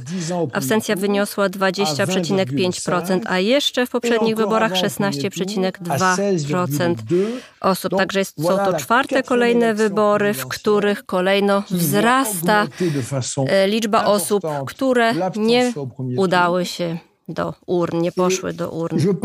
E, I w drugiej turze wydaje mi się, że będzie dużo oddanych pustych kart do głosowania. To daje dużą wiedzę, bo gdyby połączyć wszystkie osoby, które nie poszły w pierwszej turze do głosowania, i tych osoby, które głosowały na partie antysystemowe albo oddały głos nieważny, to wychodzi nam 67,5% głosów w stosunku do wszystkich y, wyborców, czyli ponad dwie trzecie wyborców uprawnionych do głosowania. nie poszło do głosowania albo nie oddało głosu na partię umiarkowaną. Tak obecnie wygląda sytuacja we Francji. A zatem można mówić o kryzysie politycznym, kryzysie partii tradycyjnych we Francji. To znaczy, partie tradycyjne praktycznie zniknęły. Partia konserwatywna, republikanie, socjaliści, którzy rządzili Francją jeszcze pięć lat temu, praktycznie zniknęły te partie z krajobrazu politycznego. Są na nim obecne partie skrajne. C'est le temps pour les extrêmes. Oui. Tak. Pour les extrêmes. Na partie skrajne. Na brak udziału w wyborach. Jest y, jeden, który przetrwał. Emmanuel Macron. Z wynikiem ponad 27% w pierwszej turze reprezentuje siłę środka. Oznacza to, że wielu wyborców nie chce iść w stronę skrajne. Mówi się czasem we Francji o takiej tendencji, niemalże instynkcie republikańskim, który dało sobie znać w 2002 roku, w 2017, kiedy większość Francuzów poszła głosować na kandydata, którego być może nie lubili, ale który nie był panem albo panią Le Pen. Rozumiem, że w tym roku to nie jest ten przypadek. si je comprends bien. No jednakowoż w tym roku euh, też tak będzie. Emmanuel Macron jest faworytem tych euh, wyborów. Nawet jeśli wielu Francuzów euh, choć nie wszyscy, bo wielu Francuzów ma bardzo negatywny obraz Emmanuela Macrona. Ale tu euh, uwaga, jak o tym mówimy, są jednakowoż wskaźniki, jak wszędzie, popularności, które wskazują, że nie jest to prezydent niepopularny w stosunku do poprzednich prezydentów. Jest to prezydent, który ma swoich zwolenników, bardzo przekonanych o jego euh, zaletach i euh, część społeczeństwa faktycznie jest mu przeciwna. Jest to silny podział, ale ma też euh, zwolenników w opinii publicznej. W walce z Marine Le Pen, tak mi się wydaje, takie jest moje euh, zdanie, że kluczem do zwycięstwa, do ponownego wyboru będzie to, że on nie sprawia wrażenia, nawet jeśli się go nie lubi, Jeżeli tak jest w danym przypadku, to on nie powoduje ryzyka dla wyborcy. Co to znaczy? Wyborca nie ryzykuje, e, wybierając Macrona osłabia euro, osłabia Europę, bo Francuzi tego właśnie w zdecydowanej większości nie chcą. Nawet wyborcy Marine Le Pen nie chcą wyjść ze strefy euro. 85% zwolenników Mélenchona e, jest za euro. 70% e, wyborców Marine Le Pen jest za euro. Więc przywiązanie do euro to przywiązanie do bezpieczeństwa materialnego. I ci wyborcy bardziej będą głosować za Macronem właśnie z tego powodu. Głównie. Qu'est-ce qu'il co jest w tej chwili najważniejszym tematem dla Francuzów? Co zdecyduje o rezultacie niedzielnych wyborów? Qu'est-ce qu'il va décider le résultat le dimanche prochain? Wydaje mi się, że elementem decydującym w niedzielnych wyborach będzie to, że w momencie wyboru, który nie zadawala Francuzów, bo będą musieli wybrać pomiędzy dwoma kandydatami, których tak naprawdę nie chcą ani jednego, ani drugiego. Woleliby, żeby nie było takiej powtórnej sytuacji, czyli tych samych dwóch kandydatów po raz drugi, wybioru kandydata, który z jednej strony da im poczucie bezpieczeństwa w zakresie ich finansów, ich emerytur, wynagrodzeń, czyli to są ci, którzy będą głosować za Macronem i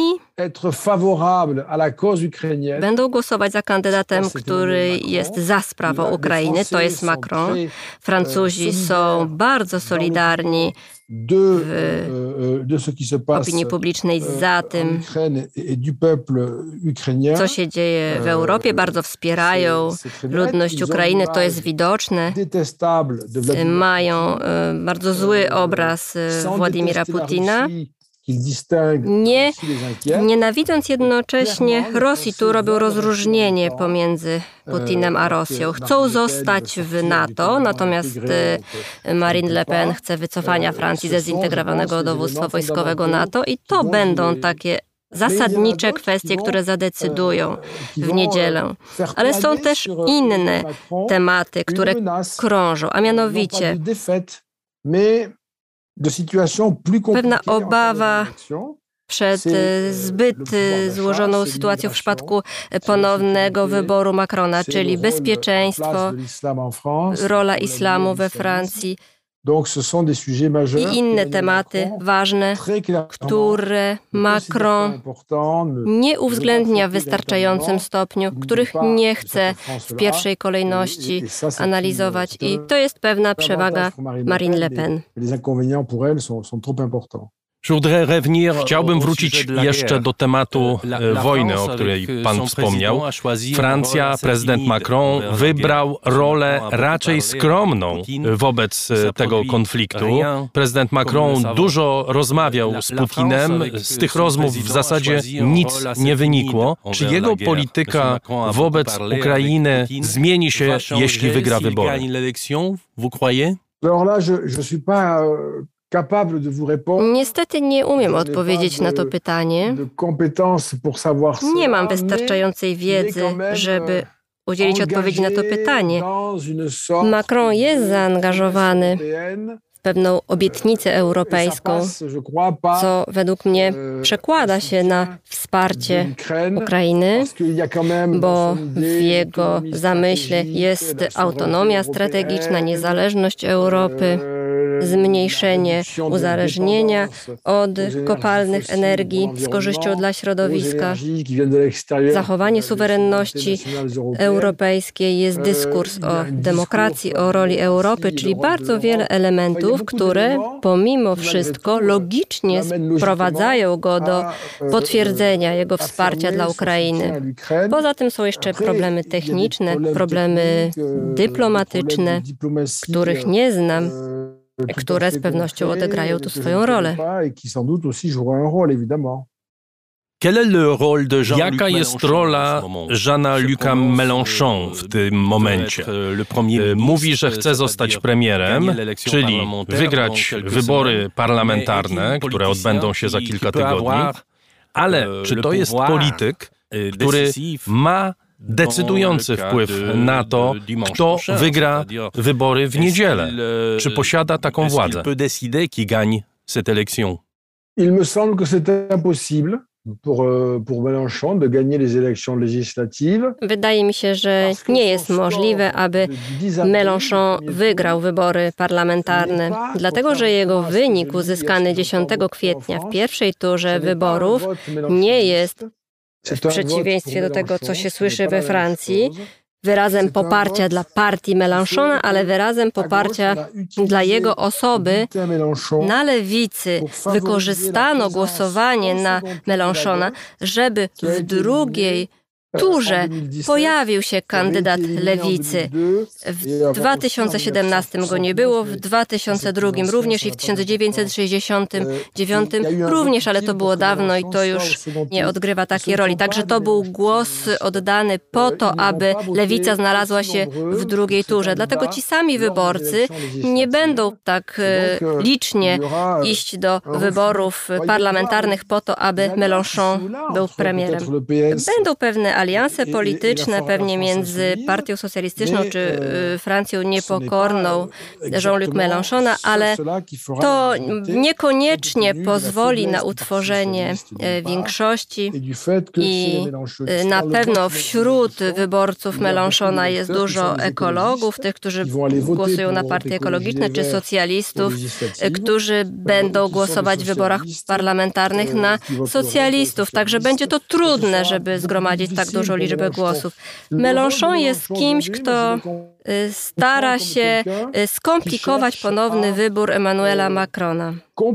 Od początku działa w tym kierunku, aby jego sukces był najmniejszy z możliwych, żeby było dużo osób, które nie poszły do wyborów, dużo e, nieważnych głosów, aby wynik e, Marine Le Pen był wyższy niż ten, który osiągnęła w 2017 roku. Czyli jego zadaniem jest od początku osłabienie na samym początku kadencji Macrona. Od 2008 roku, y, od czasu nowelizacji konstytucji, Emmanuel Macron jest pierwszym prezydentem, który ponownie zostanie wybrany i który nie będzie mógł po raz trzeci e, stanąć e, w szranki wyborcze. Więc jak ponownie zostanie wybrany, rozpocznie się niejako odliczanie, które będzie wskazywało zmniejszanie jego wagi politycznej. de moins en moins important. Je voulais vous demander une chose un peu plus Chciałbym spytać o sprawę troszkę bardziej generalną. Mówimy o kryzysie Francji, mówi pan o kryzysie e, polityki francuskiej, o pojawieniu się partii skrajnych, partii antysystemowych, co sprawia, że Francja staje się trochę takim krajem jak inne w Europie, takie jak Polska na przykład, czy Zjednoczone Królestwo, czy coraz bardziej Niemcy, gdzie ludzie czują się coraz bardziej oddaleni oddaleni od systemu politycznego. Ale czy to jest taka zła rzecz? Bo Francuzi w tym momencie mają wybór i to wybór bardzo jasny. Wizje pana Macrona i pani Le Pen to są dwa odrębne światy. Niemal w każdej dziedzinie ekonomii, podatków, kosztów życia, wieku emerytalnego, stosunku do Europy, emigracji, wojny na Ukrainie. Czy nie o to właśnie chodzi, aby takie dwie wizje starły się? Czy nie o to chodzi w polityce? De quoi il s'agit en politique?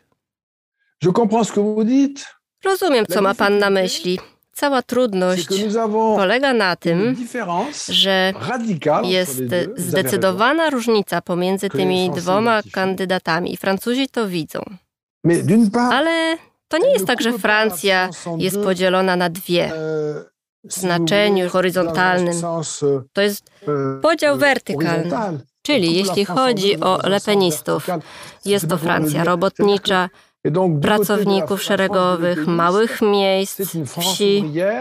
Francja Macrona to Francja klas średnich, tych, którym się w życiu powiodło, z dużych miast, która zgadza się z globalizacją, wykształcona. Te różnice są e, spektakularne, więc wydaje mi się, że nie jest możliwe w zrównoważonym systemie, by była albo, albo zwycięstwo e, klas wyższych, albo klas niższych, bo w każdej z partii jest y, po trochę każdych wyborców.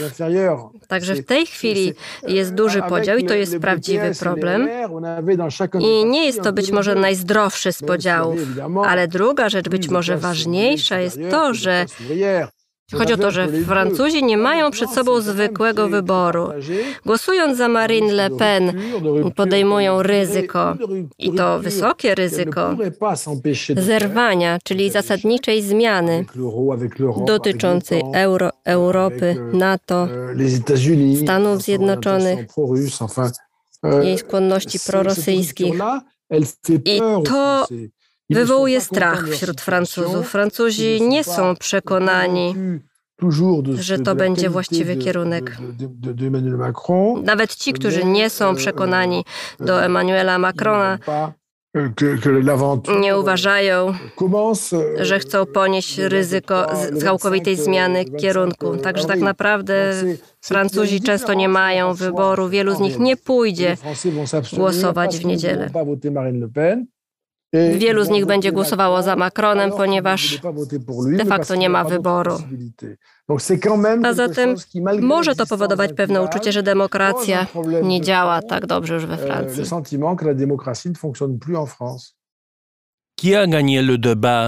Kto wygrał debatę środową i czy to w ogóle jest ważne, kto ją wygrał? Qui l'avait gagné? Je ne sais pas, moi, qui a gagné le débat parce que. Nie wiem, kto wygrał. Il a été fait un sondage qui disait que Były pewne sondaże przeprowadzone, wedle których to Emmanuel Macron wyszedł zwycięsko z tego starcia, ale być może ten sondaż został przeprowadzony wśród osób, które nie oglądały debaty. Była to debata, która zgromadziła najmniejszą widownię wśród wszystkich debat przed drugą turą, więc y, mniej więcej 15 milionów widzów na 48 milionów wyborców oglądało debatę. To jest bardzo mało, więc na pewno ta debata odegra mniejszą rolę niż poprzednie debaty, ale wydaje mi się, że y, Francuzi uznają, że była ona nieważna. W tym sensie, że ta debata pokazała raz jeszcze techniczną wiedzę Emmanuela Macrona i trudność, jaką ma Marine Le Pen w wiarygodnym dyskutowaniu, w wiarygodnym przekonaniu do swojego projektu politycznego. Bardzo trudno było jej wygrać tę debatę. Mogłaby ją wygrać, gdyby była wielką e, oratorką, gdyby posiadała wielkie zdolności retoryczne, ale tak nie jest. Ona nie ma tutaj szczególnych e, zdolności. Brak jej zatem takiego atutu w debacie prezydenckiej. Chociaż w trakcie debaty mieliśmy wrażenie, że prezydent Emmanuel Macron kandydat czasami wydawał się zbyt pewny siebie. Arogancki wręcz, mówią ludzie. Tak, to jest wada, która jest jednakowoż mniej e, ważna niż to uczucie, że Marine Le Pen jednak nie posiada odpowiednich kompetencji. Ci, którzy oglądali debatę, uważają, że no, ostatecznie e, debata i tak pokaże jej brak wiedzy. Le débat montrera qu'elle n'est pas capable. I a propos de son arrogance, I jeszcze a propos arogancji Emmanuela Macrona, to jest pytanie, które zadaję sobie od jakiegoś czasu i zadaję ludziom we Francji od jakiegoś czasu. Dlaczego ci, którzy naprawdę nie znoszą Macrona, nie znoszą go z taką siłą, czasem trudną do zrozumienia? Ça ne correspond pas à euh, ce qu'a été jusqu'à présent euh, le président de la République en France. To nie odpowiada cechom prezydenta Francji. To nie jest pierwszy prezydent, który jest pewny siebie, aby móc w ogóle być na tym stanowisku, należy mieć dużą pewność siebie. Wydaje mi się, że to jest drugi po Valéry Giscard d'Estaing prezydent, euh, który nie widzi znaczenia dobrego wypadania, e, jeśli chodzi o swój e, wizerunek. On w zasadzie zupełnie nie troszczy się o to, jaki efekt może wywołać jego postawa w społeczeństwie francuskim. Także to jest pewne ryzyko polityczne, jakie ponosi. Natomiast wydaje mi się, że Macron wiedział, że tu dużego ryzyka politycznego nie ponosi, bo możliwość głosowania na Marine Le Pen dla wielu wyborców niebezpieczne byłoby wystawić na ryzyko swoje życie, gospodarstwo domowe, własność, swoje oszczędności tylko po to, żeby ukarać kogoś innego. Profesor Renier, merci beaucoup. Merci de votre temps. Merci, cher monsieur. To był profesor Dominique Renier, wykładowca Uniwersytetu Sciences Po i dyrektor Instytutu Innowacji Politycznych w Paryżu. Dziękujemy bardzo Patrycji Łobacz za przetłumaczenie tego wywiadu.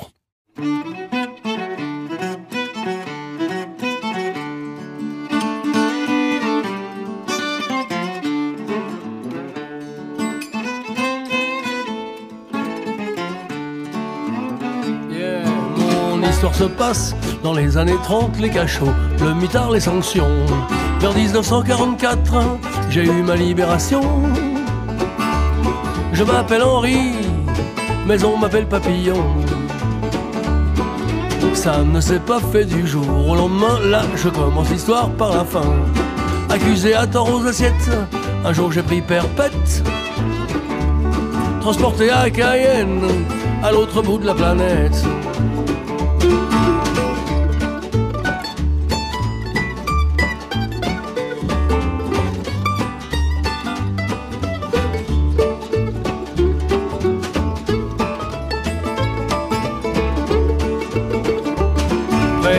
Et jurés sont tranquilles à Paris depuis qu'ils m'ont envoyé ici. Je dirais pardonnez-leur, ils ne savent pas ce qu'ils font.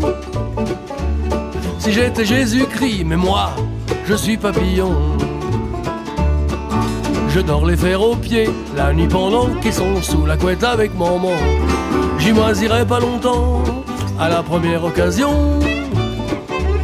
Je flinguerai ces couillons, je m'appelle papillon. Les jurés sont des caves alignés sur leur banc. Remplaçons-les par des bons. Les peines seraient moins longues aujourd'hui dans les prisons. Il y aurait moins de monde. Votez papillon.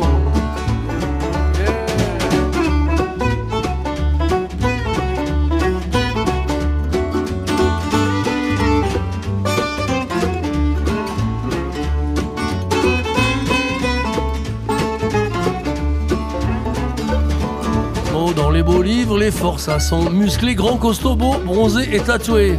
C'est à l'encre de Chine à l'aiguille qu'ici on fait la bousille. Il n'y a pas de salon, non, non, non, non, c'est pas de la décoration. Le bac de Cayenne, c'est pas la Costa Brava. Quand on y reste, c'est qu'on y crèvera. Certains comme moi n'ont jamais lâché, d'autres ont abandonné. C'est la mort qui viendra un jour les délivrer.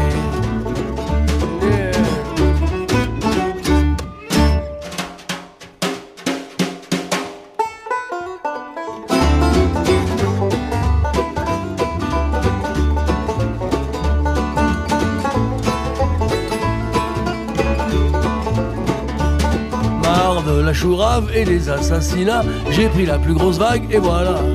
Sur un radeau de noix de coco, j'ai fait la belle sur l'eau.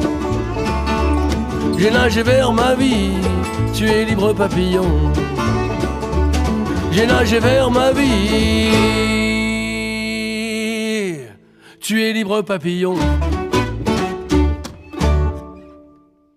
San Severino zachęcał do głosowania na Papillona, tak? Tego samego, tego z filmu ze Steve'em McQueenem. Niestety nie startuje Papillon, a na pewno miałby szansę.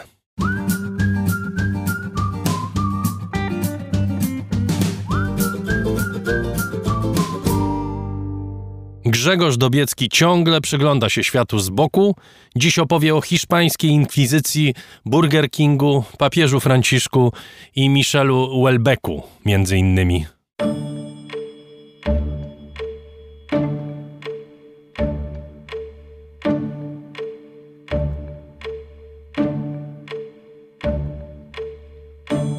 Nikt się nie spodziewał hiszpańskiej inkwizycji.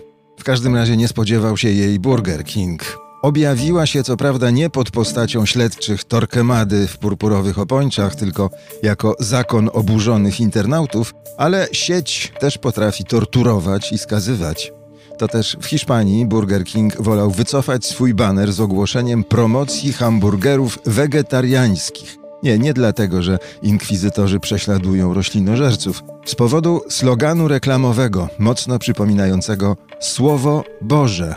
Konkretnie sakramentalne posłanie z ostatniej wieczerzy. Bierzcie i jedzcie, to jest ciało moje. Po hiszpańsku to jest nie tyle ciało, co mięso, carne. Na fast foodowym afiszu carne zostało przekreślone i zastąpione przez vegetal. Zakład żywienia zbiorowego ogłosił zatem bierzcie i jedzcie, to jest warzywo moje. Inkwizycja społecznościowa, w dużym stopniu duchowna, nie wysunęła zarzutu skomercjalizowanego bluźnierstwa, czyli obrazy uczuć religijnych. Wytknęła jedynie, acz stanowczo, niestosowność sloganu, jakby ocena reklamy burgera wege była wyłącznie kwestią smaku, a nie wiary, co akurat w gastronomii jest uzasadnione. Tak czy inaczej, umowna inkwizycja zareagowała, a tego, jako się rzekło, raczej się nikt nie spodziewał. Hiszpania nie jest już krajem religijnych uniesień, osłabła tam więc również skłonność do dewocyjnych oburzeń. Ustąpiła miejsca dowolności interpretacji, jak to w postmodernizmie. Jeszcze zanim wszystko się zrelatywizowało, Stanisław Jerzy Lec w jednej ze swoich myśli nieuczesanych orzekł, że światu zagraża interpretacja. Nie objął tą tezą królestwa, co nie jest z tego świata. To nie była jego domena. Jest to natomiast domena papieża. Franciszek widzi miejsce w tym królestwie dla wszystkich, także dla zbrodniarzy wojennych, których nie chce nie tylko potępić, ale choćby nazwać po imieniu i wezwać do zaniechania zbrodni. Jego powściągliwość, jak już go nazwano, nie interpretuje ewangelicznych wskazań, a jedynie zachęca, by się do nich stosowano. Miłujcie nieprzyjacioły wasze, dobrze czyńcie tym, którzy was nienawidzą.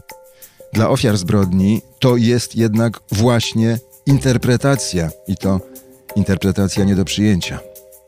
Franciszek do Kijowa się nie wybiera, ale pojedzie do Jerozolimy na spotkanie z Kiryłem, patriarchą Moskwy i Wszechrusi, który błogosławi operację specjalną Putina.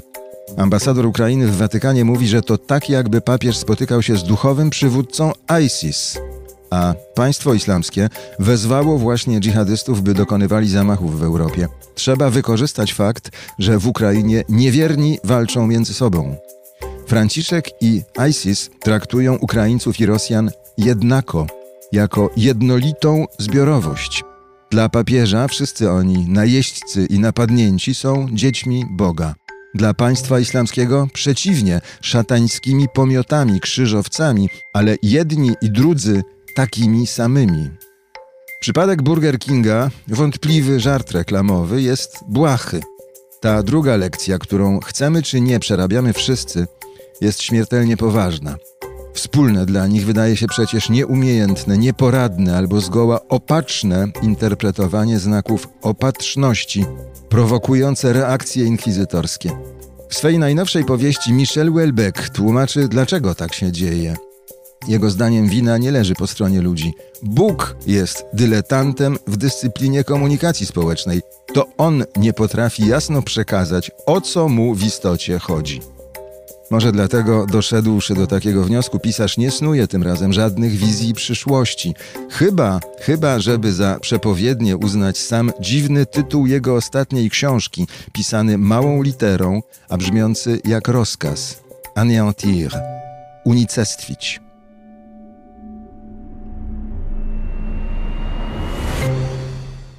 Szanowni Państwo, teraz czas podziękowań, czyli jedna z najważniejszych części naszej audycji. Bez państwa nie byłoby raportu, bez państwa wsparcia finansowego, bez tych dobrych słów, które do nas docierają, bez tysięcy osób, które słuchają każdego odcinka raportu. Z serca Państwu dziękuję.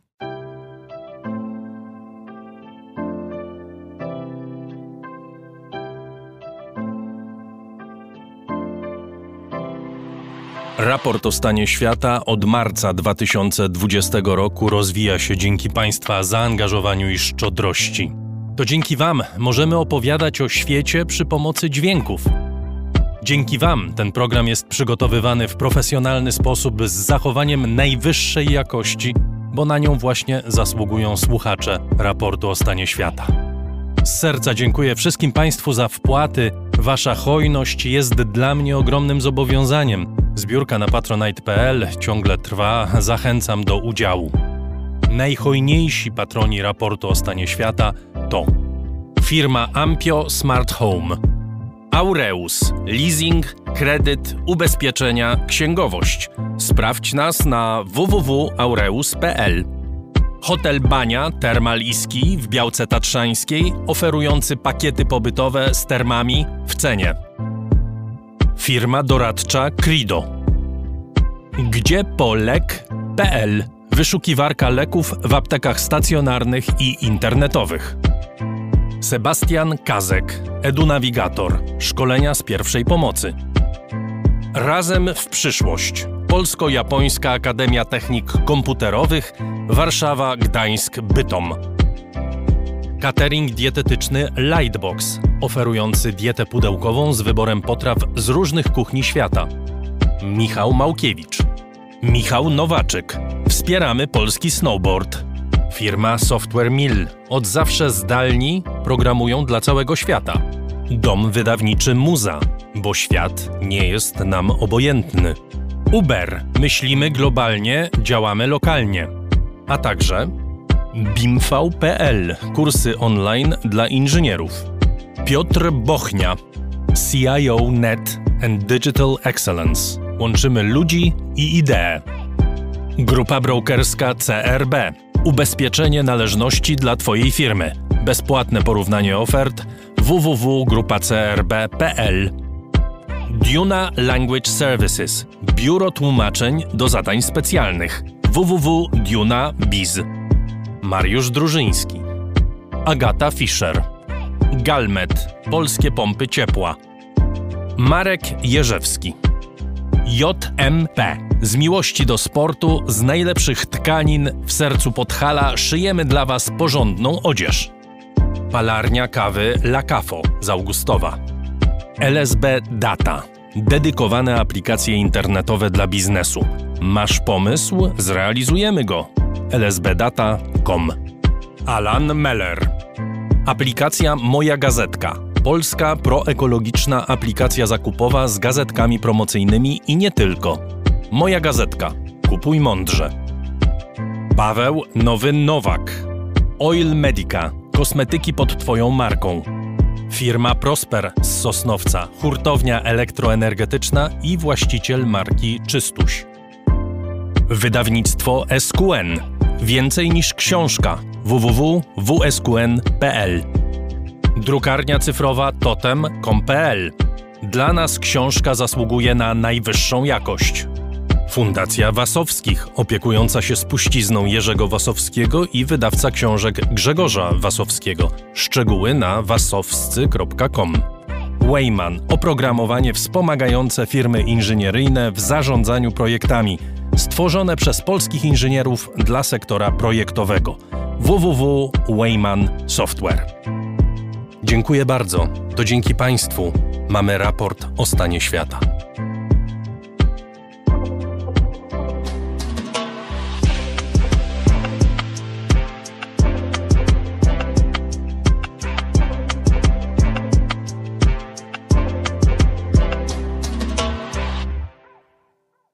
Nie mamy wielu okazji w tym programie, żeby mówić o Sri Lance, tym bardziej szkoda, że o tej pięknej, egzotycznej wyspie, do której wzdychało wielu pisarzy i podróżników, musimy teraz mówić w czasie, gdy zbierają się nad nią ciemne chmury.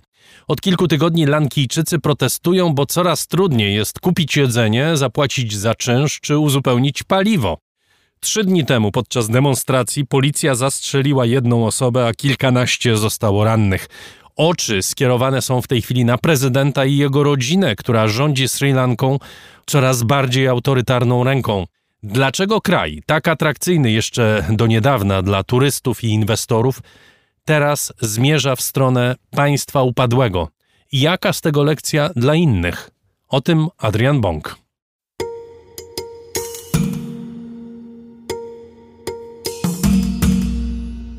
Puja Ketumani, Ati Puja Drodzy rodacy, zdaję sobie sprawę, jak jest wam źle, że brakuje wam wszystkiego, że brakuje paliwa, prądu, jedzenia. Rozumiem, że jest wam trudno, rozumiem dobrze wasze cierpienie. Mówił w specjalnym wystąpieniu do narodu Gotabaya Rajapaksa, prezydent Sri Lanki. Było to w połowie marca. Lankijczycy, czyli naród, go jednak nie posłuchali. Może dlatego, że prezydent nie wyglądał przekonująco. Co prawda założył białą koszulę, rozpiął ją przy szyi, żeby nie było zbyt oficjalnie, przemawiał z kamienną miną, marszczył brwi, ale błysk złotego zegarka i sygnetów na rękach przenikał obraz telewizyjny i pewnie odbijał się w każdym pustym garnku ostrym i złowieszczym światłem bo Lankijczycy są po prostu wkurzeni i żadna przemowa tego nie zmieni.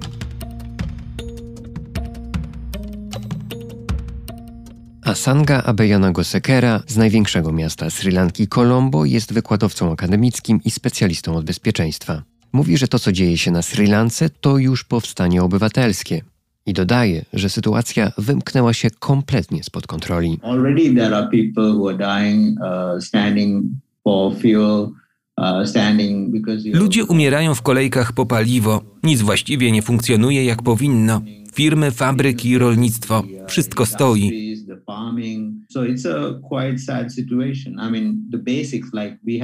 W poprzednim tygodniu obchodziliśmy Nowy Rok. To dla nas ważny dzień. Ale wiele osób nie mogło dotrzeć do rodzinnych domów i odwiedzić rodziców, bo brakuje paliwa, a transport nie funkcjonuje parents they can't do that because there's no fuel to you know and there is no transportation system so there is a lot of failures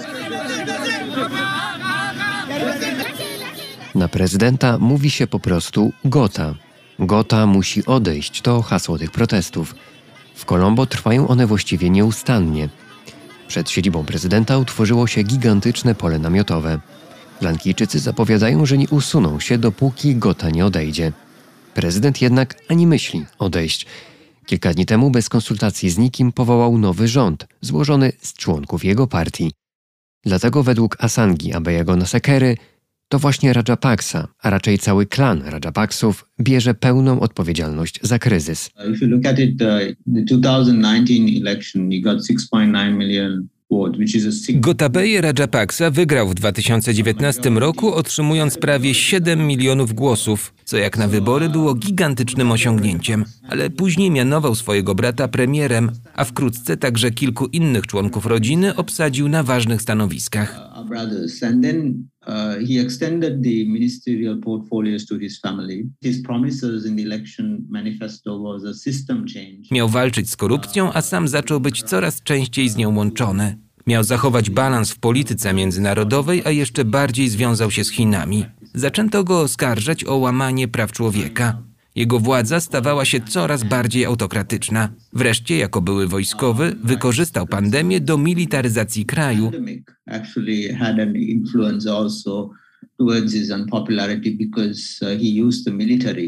The heavy militarization from the beginning.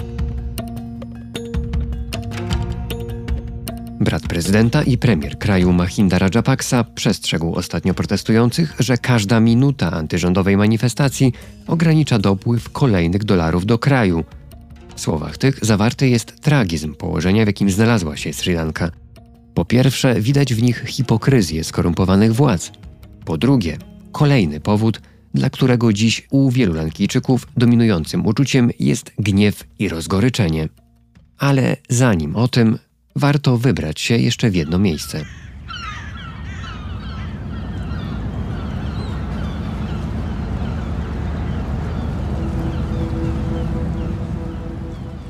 Na południowe wybrzeże kraju, do miasteczka Hambantota, a właściwie tamtejszego portu, dziś w zasadzie chińskiego portu i symbolu pułapki, w jaki wpadła Sri Lanka, pułapki zadłużenia. Władze Sri Lanki, biorąc kredyty w Chinach, wybudowały gigantyczny port dla kontenerowców, który miał być symbolem chluby i dźwignią handlu. Ale stał się czymś zupełnie przeciwnym, mówi Krzysztof Zalewski, ekspert z Instytutu Bojma. Szybko okazało się, że kredyty, które są wzięte na tą inwestycję, są trudne w obsłudze i Sri Lanka musi już wtedy, w połowie zeszłej dekady, prosić o wynajęcie tego portu w dzierżawienie na 99 lat.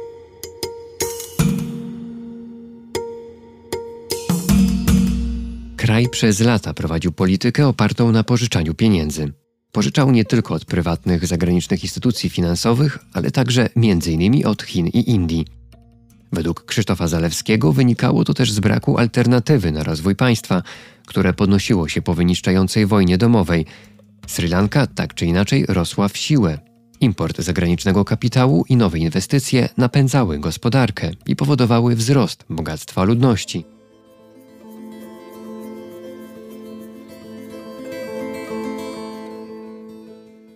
Na piękną wyspę, bogatą w przyrodę, pola herbaciane i lasy deszczowe, którymi zachwycali się podróżnicy i literaci, jak choćby Paul Bowles, ściągali turyści. Aż wtedy, jak mówi Krzysztof Zalewski, przyszedł sztorm. Gdy świat stanął na krawędzi, Sri Lanka stała się jednym z pierwszych krajów, które mogą spaść w przepaść. To jest, jak mówią Anglicy, doskonały sztorm. Ten kryzys gospodarczy jakoś się tlił w, m, przez większą część zeszłej dekady. Natomiast m, ostre fazy m, związane są jednak z trzema globalnymi wyzwaniami, którymi mamy do czynienia teraz.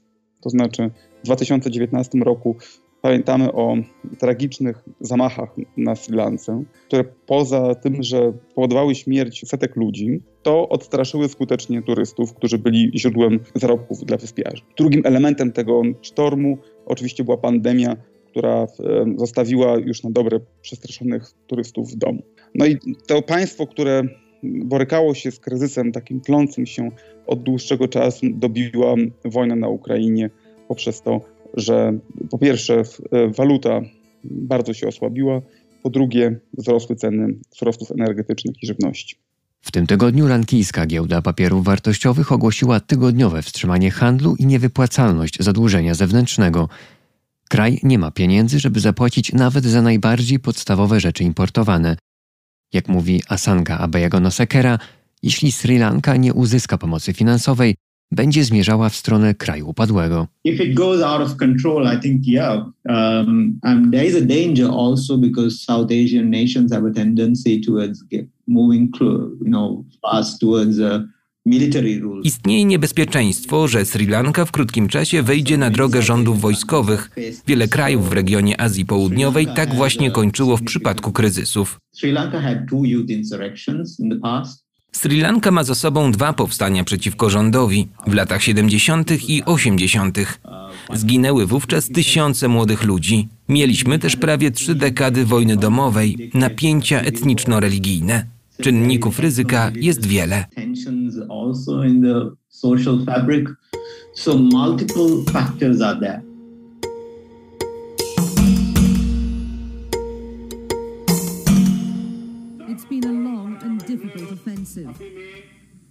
Sri Lanka's military leaders are claiming a significant victory against the Tamil Tigers. Krwawa wojna domowa, o której wspomina Lankijczyk, toczyła się między dwoma narodami, będącymi w większości Syngalezami i zamieszkującymi głównie północ i wschód Tamilami.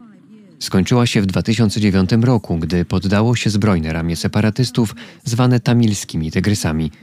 Prezydentem Sri Lanki był wówczas właśnie obecny premier Mahinda Rajapaksa – który, jak i cały rząd, był oskarżany i jest do dziś o łamanie praw człowieka, przemoc seksualną wobec tamilskich kobiet i zbrodnie wojenne.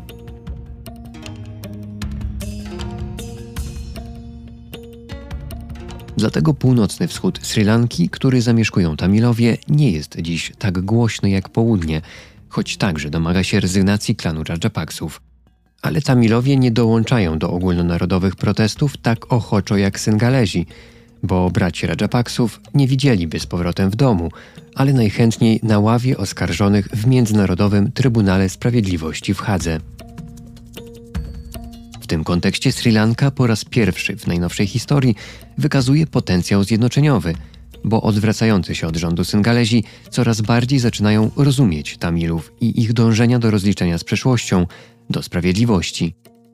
Mówi mi Sagi Tilip Kumar, Tamil z pochodzenia z rodziny uchodźców, którzy w latach 80. uciekli ze Sri Lanki. During all these protests we see a few of these people holding for the first time placards calling also for accountability, also, you know, calling him a war criminal or things like that. Po raz pierwszy widzimy, że także niektórzy Syngalezi trzymają plakaty wzywające do rozliczenia winnych. Nazywają prezydenta zbrodniarzem wojennym.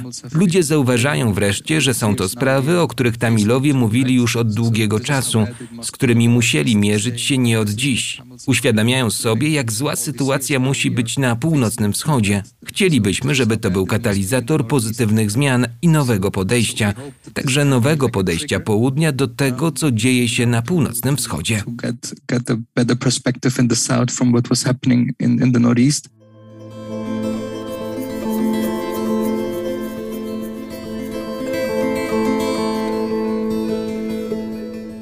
Na razie jednak bliżej Sri Lance do przeszłości niż przyszłości, bo prezydent Gotabaya Rajapaksa powiedział, że nie ustąpi w żadnych okolicznościach.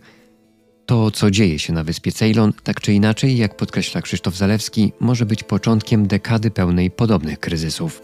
Musimy jednak myśleć o tym, że to nie będzie odosobniony wypadek.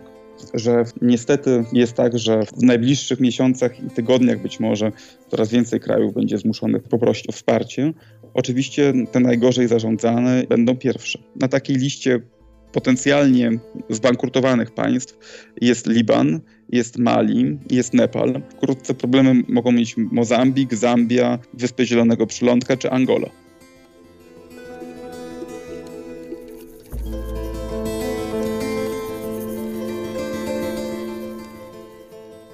Lankijczycy nie rezygnują z protestów.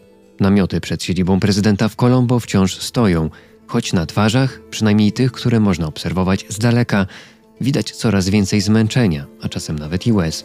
Sama Sri Lanka z racji kształtu bywa zresztą nazywana łzą spływającą z policzka Indii. W kontekście światowych zawirowań nie wiadomo już, czy to łza Indii, czy może całego globalnego południa. Dla raportu o stanie świata Adrian Bąk. Premier Boris Johnson będzie miał ulicę swojego imienia w Fontance na przedmieściach Odessy. Wygląda na to, że zdetronizował Włodzimierza Majakowskiego. Trudno się dziwić mieszkańcom Ukrainy, że doceniają niebagatelną pomoc wojskową Wielkiej Brytanii dla Kijowa, choć zdaje się, że nie ma to większego znaczenia dla popularności, a raczej jej braku premiera w ojczyźnie. Izba Gmin bez głosowania przyjęła wniosek opozycji, by specjalna komisja parlamentarna przeprowadziła dochodzenie w sprawie tego, czy premier skłamał w parlamencie w sprawie tzw. Tak Partygate czyli organizowania serii imprez okolicznościowych w okresie obowiązywania obostrzeń pandemicznych. To jest precedens. Johnson jest pierwszym premierem w historii, wobec którego prowadzone będzie śledztwo tego typu, a uznanie go winnym kłamstwa niesie za sobą poważne konsekwencje formalne, włącznie z usunięciem go z parlamentu, o konsekwencjach politycznych nie wspominając. Jest z nami Jarosław Błaszczak, politolog zajmujący się krajami anglosaskimi. Witam pana. Dzień, Dzień dobry. Co się odwlecze, to nie uciecze. Pamiętamy, że przed 24 lutego niektórzy liczyli dni premierostwa Borysa Johnsona. Potem wybuchła wojna, inne sprawy stały się mniej ważne, inne sprawy stały się bardziej ważne.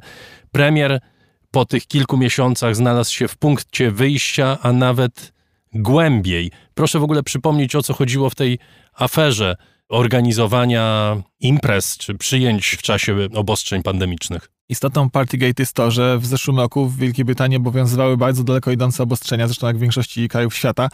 I jak między innymi wspominał podczas ostatniej sesji pytań do premiera w Izbie Gmin lider opozycji Sir Keir Starmer, bardzo wiele osób, on podawał konkretny przykład, opowiadał historię konkretnej rodziny, nie mogło brać udziału nawet w pogrzebach swoich najbliższych. On opowiadał historię mężczyzny, który zresztą mieszka w okręgu do Izby Gmin, który reprezentuje poseł konserwatywny, który miał ciężko chorą żonę i ze względu na obostrzenia covidowe nie pozwolono mu nawet, jak to dosyć tak poetycko mówił Starmer w Izbie Gmin, trzymać jej ręki, kiedy umierała. E, a w tym samym czasie premier Johnson i jego takie najbliższe otoczenie organizowali na Downing Street imprezy, co najmniej trzy. Jedna z nich to była taka impreza ogrodowa pod hasłem przynieś swoją własną flaszkę, co jakby nie, nie, najlepiej wygląda w nagłówkach. Innym razem hucznie świętowano urodziny premiera Johnsona, a za trzecim razem e, świętowano przejście do, odejście jakby z Downing Street jego, jednego z jego doradców. I przeprowadzono już dwa właściwie śledztwa w tej sprawie. Jedno śledztwo było prowadzone na, etapie, na takim poziomie urzędniczym, Kierowała nim pani Sue Gray, która jest jednym z najwyższych zawodowych urzędników jakby kancelarii premiera, przekładając na polską terminologię.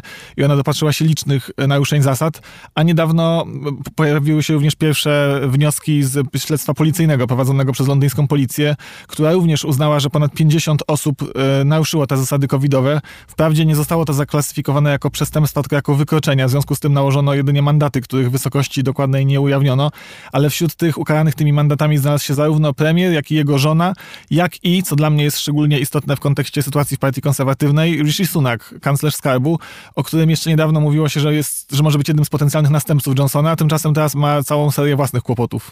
I obaj panowie, zarówno kanclerz, jak i premier, przepraszają, natomiast y, Johnson nie wycofuje się z tego, co mówił y, w parlamencie, że nie miał y, wiedzy na temat tego, że to jest niezgodne z prawem to, co się dzieje. On się cały czas tego trzyma I ta komisja, y, komisja do spraw przywilejów, jak ona się nazywa, ma zbadać rzecz rzeczywiście bardzo poważną, bo w parlamencie brytyjskim się nie kłamie. Jakkolwiek brzmi to może y, nieco dziwnie albo nieco ekscentrycznie, bo przyzwyczajeni jesteśmy do tego, że politycy kłamią. Natomiast w parlamencie brytyjskim kłamać nie można, nie wolno, to jest karane prawem tak, ale też nie można nikogo nazywać kłamcą zazwyczaj. I chciałbym tutaj pociągnąć trochę ten wątek, bo wszyscy wiemy, że parlament brytyjski charakteryzuje się takim dekorum, takim teatrem, ale często zapominamy, że za, za tym dekorum jednak kryją się głębokie treści. I jeszcze w środę, w czasie sesji pytań do premiera cotygodniowej, kiedy lider opozycji powiedział o premierze, że jest nieuczciwy, to speaker interweniował.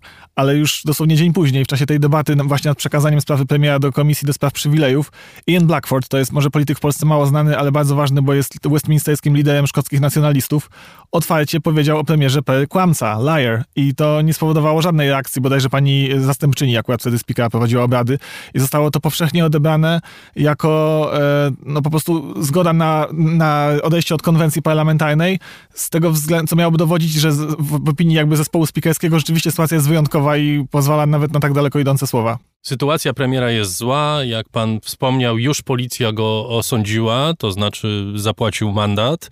Zresztą to dochodzenie policyjne chyba ciągle trwa. Jeszcze nie, nie wiemy dokładnie, jakie będą y, jego skutki. Y, mamy dochodzenie prowadzone przez Sugray i mamy w tej chwili dochodzenie komisji parlamentarnej. I jeszcze na dodatek mamy kolejny skandal, który wybuchł, czyli wraca sprawa polityki migracyjnej. Wielkiej Brytanii, czyli można powiedzieć powodu Brexitu, czy jednego z ważniejszych powodów Brexitu. Mają powstać punkty przesiedleńcze, centra relokacyjne, jakbyśmy tego nie nazwali, dla migrantów chcących wjechać na wyspy i mają one zostać ulokowane w Rwandzie.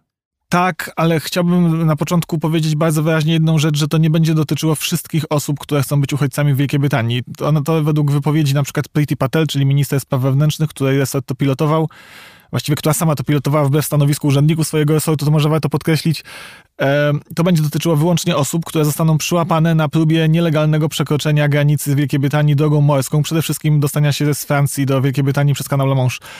I, e, I tutaj, mimo że Wielka Brytania się tego bardzo wypiera, no to ja ewidentnie widzę w tym inspirację i podobieństwa do australijskiego systemu zwalczania boat people, e, który był zresztą bardzo kontrowersyjny, jak wiemy. I teraz to porozumienie z Rwandą, zawarte na razie na 5 lat, przewiduje, że Wielka Brytania będzie mogła po takim wstępnym przeprocesowaniu tych wniosków azylowych, e, zebraniu dokumentów i tak dalej, przewieźć te osoby do Rwandy i następnie Rwanda ma procedurę uchodźczą prowadzić według własnego prawodawstwa przy bardzo dużym dofinansowaniu brytyjskim, ale nawet jeżeli e, zostanie uznane, iż dana osoba spełnia kryteria konwencyjne, czyli jest uchodźcą, a nie na przykład migrantem ekonomicznym, który stara się udawać uchodźcę, wówczas zostanie jej zaproponowane bezpieczne osiedlenie się, ale w Rwandzie, a nie w Wielkiej Brytanii.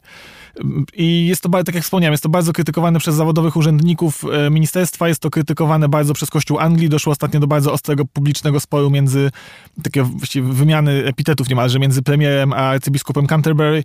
Jest oczywiście krytykowane przez organizacje międzynarodowe, na przykład Human Rights Watch zwraca uwagę na to, że Rwanda jest państwem, gdzie są duże kłopoty, jeśli chodzi o warunki, w jakich więźniowie czy cudzoziemcy w obozach, uchodźcy nawet na przykład z Konga są przetrzymywani. Więc i, i nawet taki z punktu widzenia takiego czysto ekonomicznego, to szacuje się, że 30 tysięcy funtów będzie kosztował transfer jednej takiej osoby. I 120 milionów funtów tak. przez 5 lat już z góry e, Brytyjczycy są gotowi zapłacić Polowi Kagame. Może ja dam kontekst całej sytuacji od strony rwandyjskiej, bo nie wszyscy o tym wiedzą. E, nam się Rwanda kojarzy z ludobójstwem 1994 roku i słusznie. Wówczas Paul Kagame, dowódca rwandyjskiego frontu patriotycznego, wyzwolił kraj po tym ludobójstwie, a następnie wprowadził bardzo surową dyktaturę. Nie ma realnie opozycji w tym kraju, nie ma wolnej prasy. Służby rwandyjskie dopuszczają się mordów działaczy opozycyjnych, którzy uciekli z kraju. Ci, którzy w jakikolwiek sposób sprzeciwiają się władzy, lądują na długie lata w więzieniu. Kagame niedawno zmienił konstytucję, może rządzić w kraju do 2034 roku, jeśli e, dożyje. E, widzimy, dlaczego ta umowa może być korzystna dla Pola Kagame, reżimu w Kigali, uwiarygodnia go na zachodzie, dostarcza mu pieniędzy, ale pytanie też takie zasadnicze. Co z tego będzie miała Wielka Brytania i czy rzeczywiście ten kryzys, ten Y, spór jest Brytyjczykom w tej chwili potrzebny, temu rządowi jest potrzebny, skoro tak naprawdę nie chodzi o jakąś dramatycznie dużą liczbę uchodźców, czy ludzi, którzy domagają się azylu, czy domagają się pobytu w Wielkiej Brytanii no jest strasznie starą sztuczką polityczną, że jak jest kryzys, to się odwołujemy do takiego naszego najtwardszego elektoratu, staramy się jakoś wychodzić naprzeciw jego oczekiwaniom, które na co dzień może zaniedbujemy, bo wiemy, że i tak będą na nas głosowali. Tak jak pan wspomniał słusznie, e, no, to jest ewidentnie kłanianie się tym samym wyborcom, którzy przez swoje takie nie do końca racjonalne lęki antyimigracyjne zdecydowali o Brexicie. I rzeczywiście, no, z punktu widzenia takiej nawet logiki pomagania, nawet gdybyśmy spojrzeli na to zajmowanie się uchodźcami przez pryzmat nie nawet nie humanitarny, tylko takiej po prostu sprawności organizacyjnej państwa, to to wnosi bardzo niewiele. Natomiast ewidentnie jest to próba zrobienia tego, co już też próbowała robić Australia, takiego po prostu puszczenia w świat komunikatu, że co byście nie zrobili, to i tak nie zamieszkacie w naszym kraju. Nawet jeżeli was złapiemy, to i tak was wywieziemy gdzieś indziej, więc nie próbujcie nawet. A nawiasem mówiąc, czy cały ten schemat australijski, czy on zmniejszył napływ napływ migrantów, napływ boat people? do pewnego momentu zmniejszył to się tak falami, bo też boat people to było zjawisko, czy jest, które bardzo zależy od sytuacji geopolitycznej humanitarnej, przede wszystkim w Azji. Więc wiadomo, że kiedy na przykład konflikt w Afganistanie wchodzi w kolejną fazę, czy w Jemenie, czy w innych państwach, czy w Kambodży, no to, to, to się nasila moim zdaniem, jeżeli chodzi, no, ale były takie okresy, kiedy rzeczywiście dało się udowodnić liczbowo, że to działa. Natomiast pytanie, jaka była tego cena? To znaczy, pomijając, no to przede wszystkim zrujnowało reputację Australii międzynarodową i doszło do tak kompromitującej moim zdaniem sytuacji, że no, chyba nikt z nas nie ma wątpliwości, który, który kraj z pary Australia i Papua Gwinea ma wyższe standardy ochrony praw człowieka. A tymczasem doszło do tego, że ten naj, cieszący się najgorszą sławą obóz, który był na wyspie Manus, która jest e, częścią Papui Nowej Gwinei, został de facto zdelegalizowany nie przez Australię, tylko przez Sąd Najwyższy Papui Nowej Gwinei, który uznał, że to rażąco łamie konstytucyjne prawa i wolności obowiązujące w tym kraju, więc to pod każdym względem Australię kompromitowało, a poza tym też pamiętajmy, że tam nie było policjantów, nie było tam straży granicznej w tych obozach, były prywatne firmy ochroniarskie, nie wiadomo jakie Wanda ma e, plany w tym zakresie.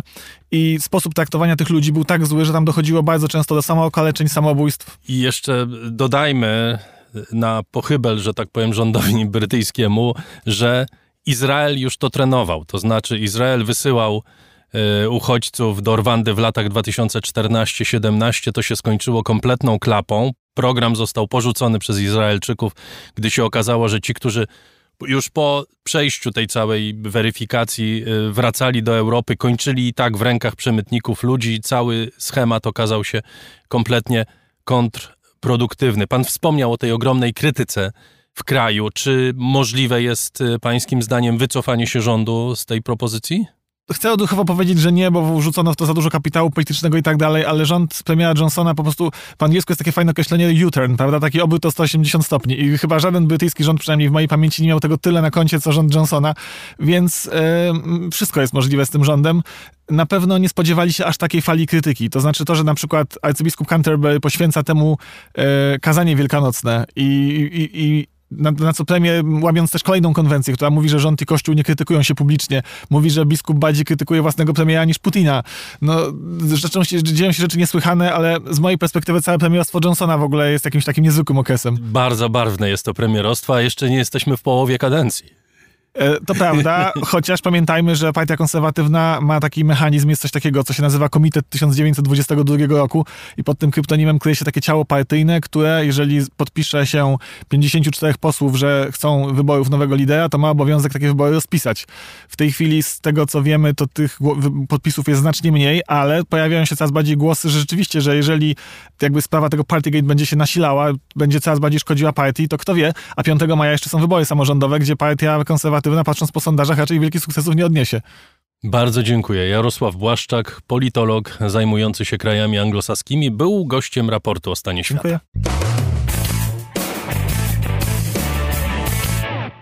W kilku miejscowościach w Szwecji przez kilka dni trwały zamieszki wywołane planami publicznego spalenia Koranu przez jedną z partii antyimigranckich i antymuzułmańskich. Lider tej partii, Rasmus Paludan, który jest również obywatelem duńskim, od kilku lat próbuje urządzać tego typu happeningi, zwłaszcza w miastach, gdzie mieszkają duże grupy muzułmanów.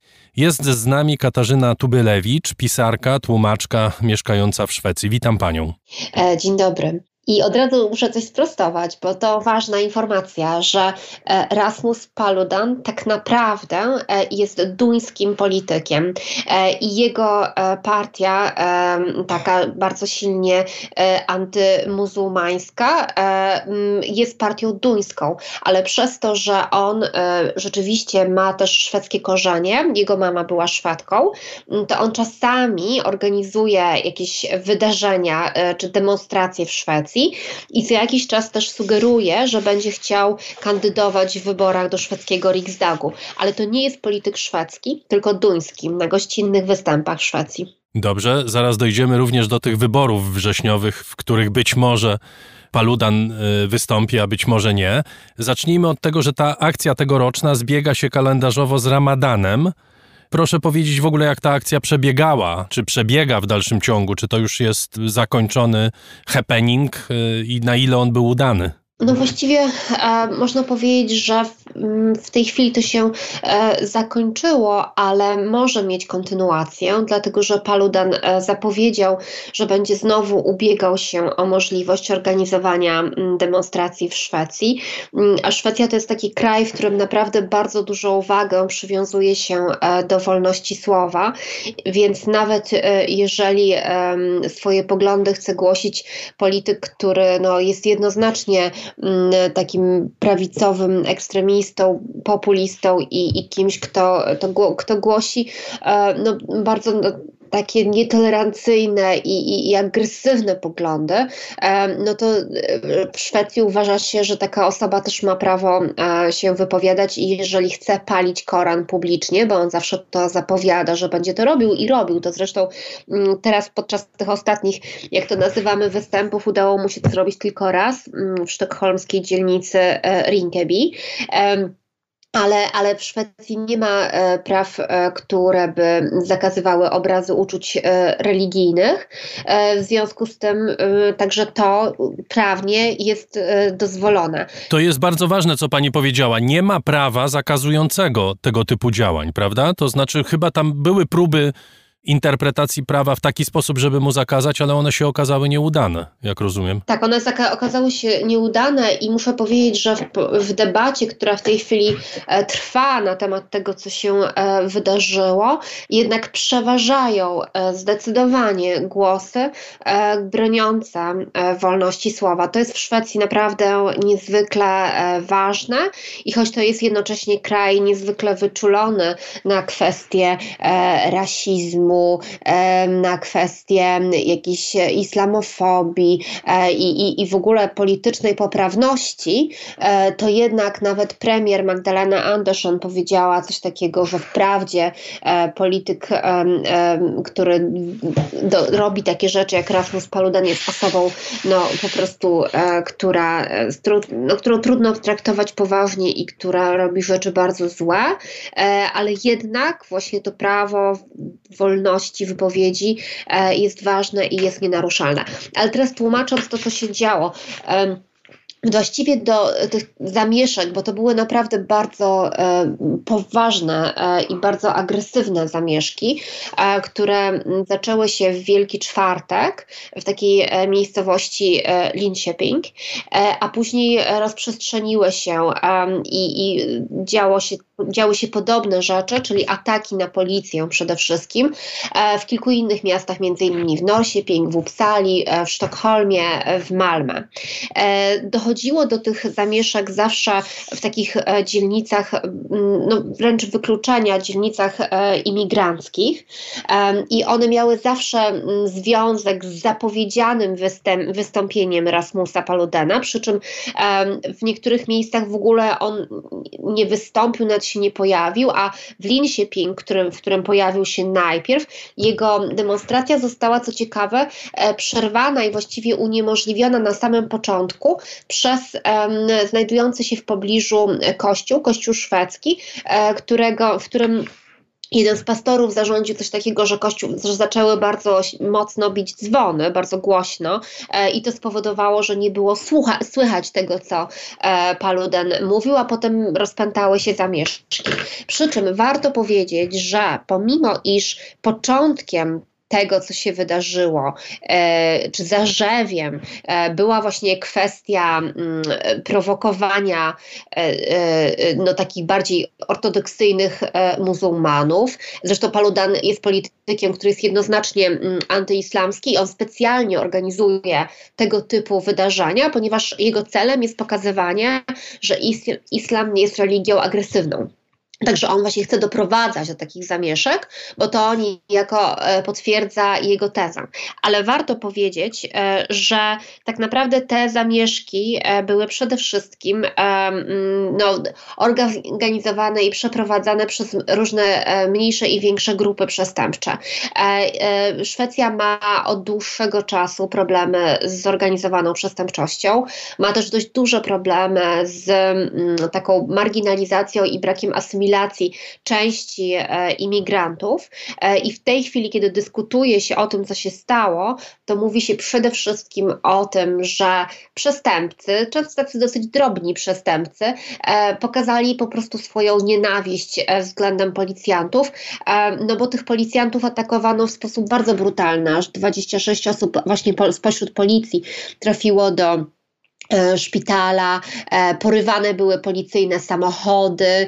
E, no, no, no, działy się rzeczy na tyle dramatyczne, że nawet dzisiaj w Dagens Nyheter, gazecie, która jest no, gazetą liberalną, raczej taką w stronę lewicową nawet skierowaną, pojawił się taki duży artykuł na temat tego, że już czas, żeby policja mogła zacząć używać gazu łzawiącego, żeby mogła zacząć używać gumowych kul, ponieważ policjanci po prostu nie są w stanie się obronić e, przed takim e, tłumem. Jak rozumiem, mechanizm tych rozruchów polegał na tym, że y, w momencie, kiedy Paludan i jego zwolennicy zapowiadali palenie, pojawiały się grupy protestujące i potem dochodziło do starć między tymi ludźmi, jak pani mówi, wśród których występowali i zwolennicy Paludana z tej jego partii i zwykli przestępcy. Właściwie e, wydawałoby się, że tak to wyglądało, ale m, mm, wygląda wręcz na to, że to, co się działo, e, to tak naprawdę e, jakby stronami konfliktu stawali się e, ludzie, którzy w ogóle, trudno powiedzieć, czy byli tylko przeciwnikami Paludana, czy w ogóle są e, przeciwnikami, e, nie wiem, państwa prawa i oni się ścierali z policją. Tak naprawdę obiektem głównym ataków tłumu nie był Paludan ani jego zwolennicy, tylko policja policja. A proszę powiedzieć o tej partii. Pani wspomniała, że to jest duńska partia, ona się nazywa chyba Twarda Linia, jak rozumiem. Twarda tak, linia, tak można tak. ją przetłumaczyć, tak. E, tę nazwę. To jest e, polityk marginalny. On e, nie odgrywa żadnej chyba znaczącej roli ani w polityce duńskiej, ani tym bardziej w szwedzkiej. Tak, to znaczy on w polityce szwedzkiej właściwie nie odgrywa e, żadnej e, roli, aczkolwiek przez to, e, że zna język szwedzki, że, że, że jego mama była Szwedką, no to on co jakiś czas ma takie ambicje, na, aby wpływać na sytuację polityczną w Szwecji i, i w tej chwili właśnie zapowiada, że będzie próbował w jakiś sposób zaistnieć E, w tutejszych e, wyborach. E, I rzeczywiście jego partia po, duńsku ona się nazywa Stram Kurs, to dobre tłumaczenie, właśnie twarda linia. Nie jest żadną znaczącą partią, ale jest partią widoczną dlatego że Paludan ma taką no, silną tendencję do tego, e, aby organizować e, taki rodzaj demonstracji, e, który wywołuje wzburzenie społeczne. A czy on w Danii również pali Koran? Tak, tak. I udało mu się to, bo on wcześniej chyba miał skutecznie organizowane tego typu akcje. Tak, tak, jemu to się udało. Zresztą tak jak powiedziałam, teraz w Szwecji też mu się to e, e, udało e, właśnie w Rinkeby i co jakiś czas e, jest tak, e, że jego działania są e, zaskarżane do sądu. w Szwecji po tych wydarzeniach, które miały miejsce teraz, on też został zaskarżony do sądu za, o to, że podżegnuje do nienawiści. ale nie wiadomo, czy zostanie skazany właśnie dlatego, że w Szwecji, podobnie jak w Danii, dopuszczalne jest krytykowanie religii, nawet w taki bardzo ostry sposób. I jak pamiętamy, w Danii tego rodzaju wydarzeń e, było więcej, bo wszyscy pamiętają karykatury e, proroka Mahometa, które były publikowane w takiej duńskiej gazecie Posten. E, redakcja tej gazety, z tego co wiem, do dziś części członków jest pod stałą ochroną policji, dlatego że grożono im śmiercią za publikację karykatur proroka. Także to jest dosyć w ogóle ciekawe, że mm, te kraje skandynawskie które nam się kojarzą e, powszechnie, myślę, z, z jakimś takim dążeniem do społecznego spokoju e, i, e, no, i, no i z dużą wrażliwością w temacie no, politycznej poprawności. Ale jednak te kraje są bardzo konsekwentne w temacie wolności słowa. No właśnie, jak to się ściera? Bo z jednej strony mamy to, co pani podkreśla, czyli poszanowanie dla wolności słowa. Z drugiej strony Szwecja to jest kraj, który przyjął tysiące uchodźców z Syrii. Oczywiście większość z nich to są muzułmanie. I to jest kraj, w którym adaptują się ci muzułmanie lepiej lub gorzej. Z drugiej strony słyszymy te historie o, o przemocy w niektórych miejscach, o y, miejscach, w których policja ma problem z poszanowaniem prawa. Jak to napięcie e, się realizuje w normalnym życiu społecznym Szwecji? No, w normalnym życiu e, społecznym e, to napięcie nie jest wyczuwalne aż tak bardzo, między innymi dlatego, e, że Szwecja jest krajem niezwykle posegregowanym, e, w tym sensie w wymiarze geograficznym. I na przykład, kiedy mieszka się w Sztokholmie i człowiek porusza się w centrum miasta, czy nawet w dzielnicach e, podmiejskich, takich, w których mieszka średnia klasa, e, to, to, to wcale Sztokholm nie wydaje się takim niesamowicie wielokulturowym miastem, a tak naprawdę nim jest.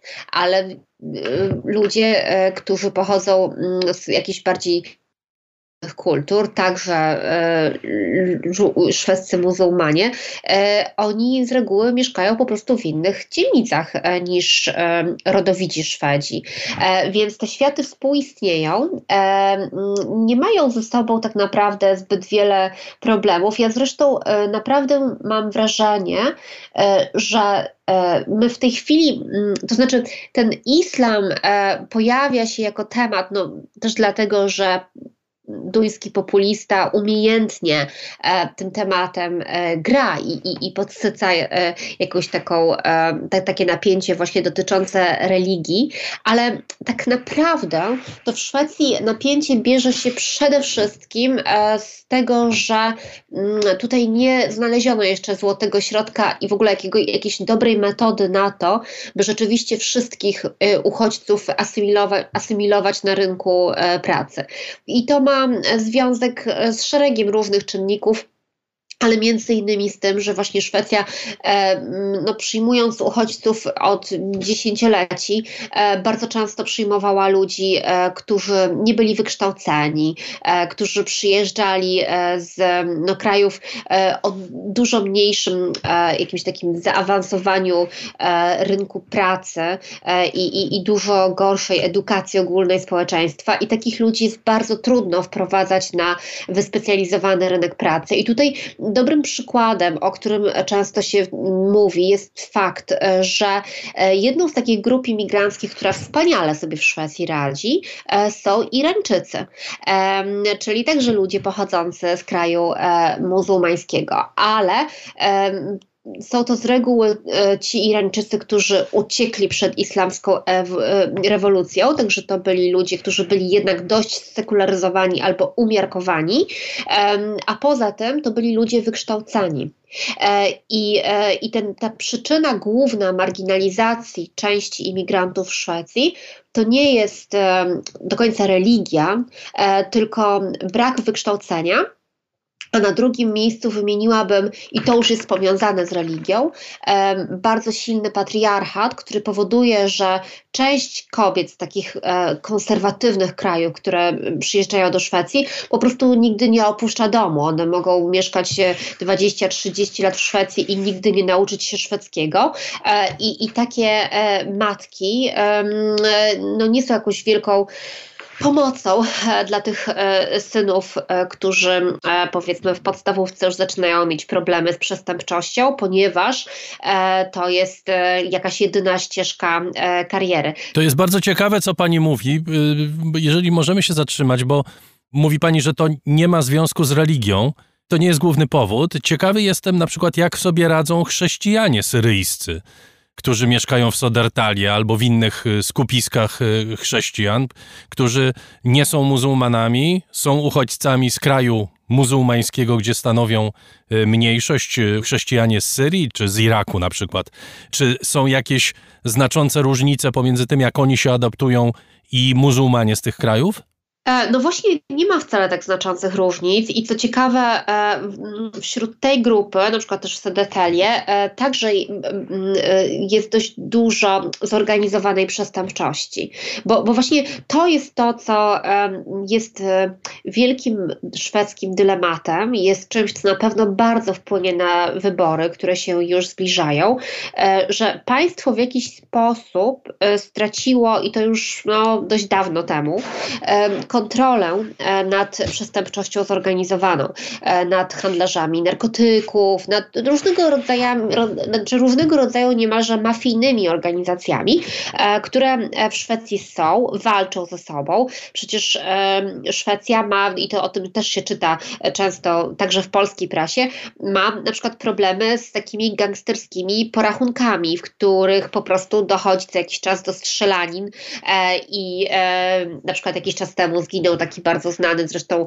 biały raper szwedzki, Einar, został e, no, zastrzelony. Po, taki, no, po prostu to była egzekucja, e, która została dokonana w godzinach popołudniowych w bardzo dobrej dzielnicy e, sztokholmskiej i do dzisiaj nie znaleziono tych, którzy go e, zabili. I to był jeden tylko z przykładów, aczkolwiek bardzo głośny, bo to była znana postać, takich gangsterskich porachunków, które Szwecję dręczą.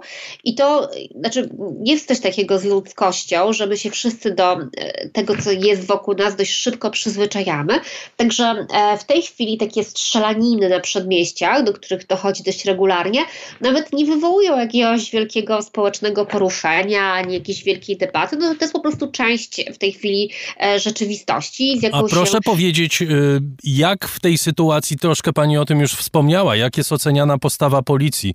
Mówi pani o, y, o tym, że w tych rozruchach to tak naprawdę była wojna tych zadymiarzy y, z policją, ale dlaczego na przykład policja w kraju takim jak Szwecja, który przecież dysponuje środkami, wystarczającymi, żeby sobie poradzić y, ze wszystkim, realnie rzecz biorąc, z każdym rodzajem przestępczości. Dlaczego nie da się załatwić sprawy gangów i zorganizowanej przestępczości? Dlaczego to się ciągle rozwija? To jest bardzo złożony temat. E, który e, na przykład e, jednym z czynników, które bardzo silnie wpłynęły na to, że policja sobie nie radzi z przestępczością zorganizowaną, jest coś, o czym ja nawet pisałam w moim kryminale Bardzo Zimna Wiosna, a mianowicie bardzo źle e, przeprowadzona reforma policji, e, e, którą reformę przeprowadzono w 2015 roku i do dzisiaj w tej chwili usiłuje się jakoś zażegnać kryzys, który ta reforma wywołała. Na skutek tej reformy między innymi właściwie zlikwidowano takie lokalne posterunki policji i spowodowano, że E, policjanci stracili e, kontakt e, ze, ze światem lokalnej przestępczości, bo tak naprawdę to taki lokalny policjant powinien wiedzieć, kim są ci młodzi chłopcy, którzy handlują narkotykami, kto ich zatrudnia, bo, bo wtedy można w jakiś sposób próbować zmieniać sytuację, szczególnie młodych ludzi, jakoś powstrzymywać i wyprowadzać z takiej wczesnej drogi przestępczości mniejszości, a, a tę możliwość właściwie policji w Szwecji odebrano. I zrobiono jeszcze parę innych błędów, nie wchodząc w szczegóły, jest to jed, jeden z problemów. Inny jest taki, że szwedzka policja z zasady jest bardzo łagodna. To jest zupełnie inny rodzaj policjanta, szwedzki policjant od powiedzmy policjanta amerykańskiego. I oni są nastawieni na dialog, oni w sytuacjach zamieszek, na przykład to miało też miejsce w 2013 roku, kiedy były też takie dosyć duże zamieszki, aczkolwiek mniejsze niż te, do których doszło teraz w takiej dzielnicy imigranckiej Hysby w Sztokholmie. To właśnie policja w momencie, kiedy na przykład młodzież zaczynała rzucać w policjantów polic- kamieniami, policja się zaczynała wycofywać, bo w Szwecji obowiązuje do dzisiaj taka zasada, żeby nie zaogniać sytuacji, żeby właśnie prowadzić dialog, nie doprowadzać do rozlewu krwi. E, e, I e, w tej chwili zaczyna się mówić o tym, że no, policja właśnie potrzebuje chyba troszeczkę ostrzejszych metod pracy i potrzebuje też no właśnie tego gazu łzawiącego i możliwości użycia go, bo w tej chwili używać go nie może. Proszę powiedzieć, czy to jest temat, który będzie obecny w kampanii wyborczej, wybory we Szwecji na początku września?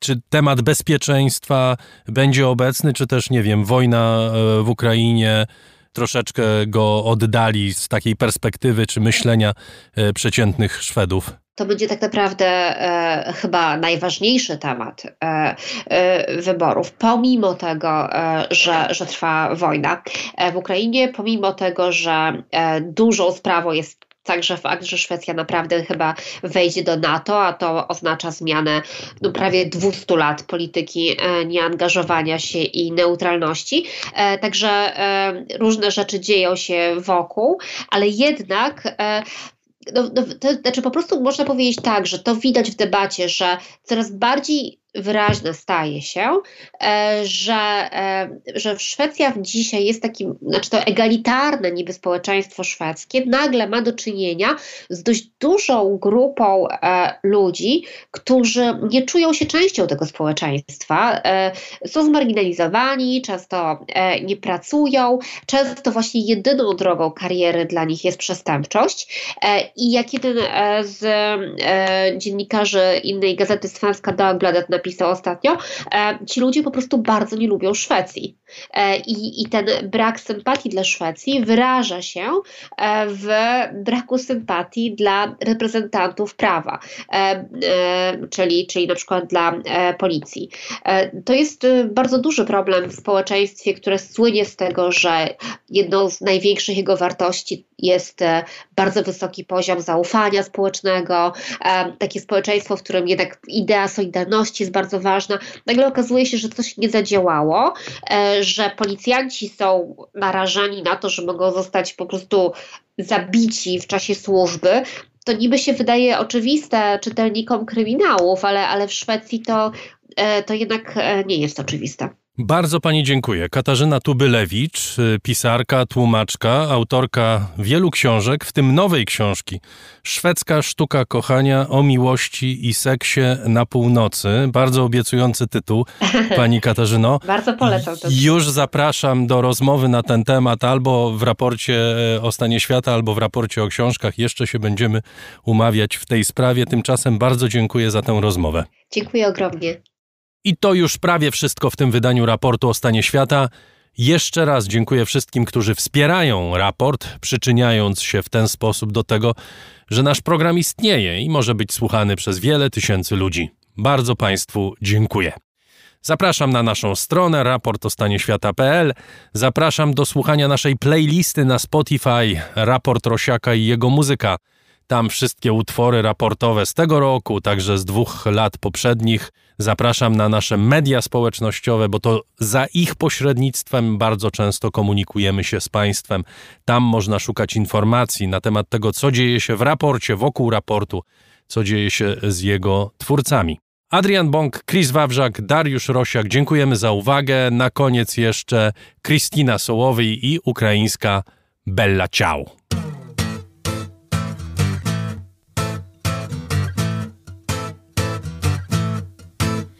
Одного ранку ще на світанку.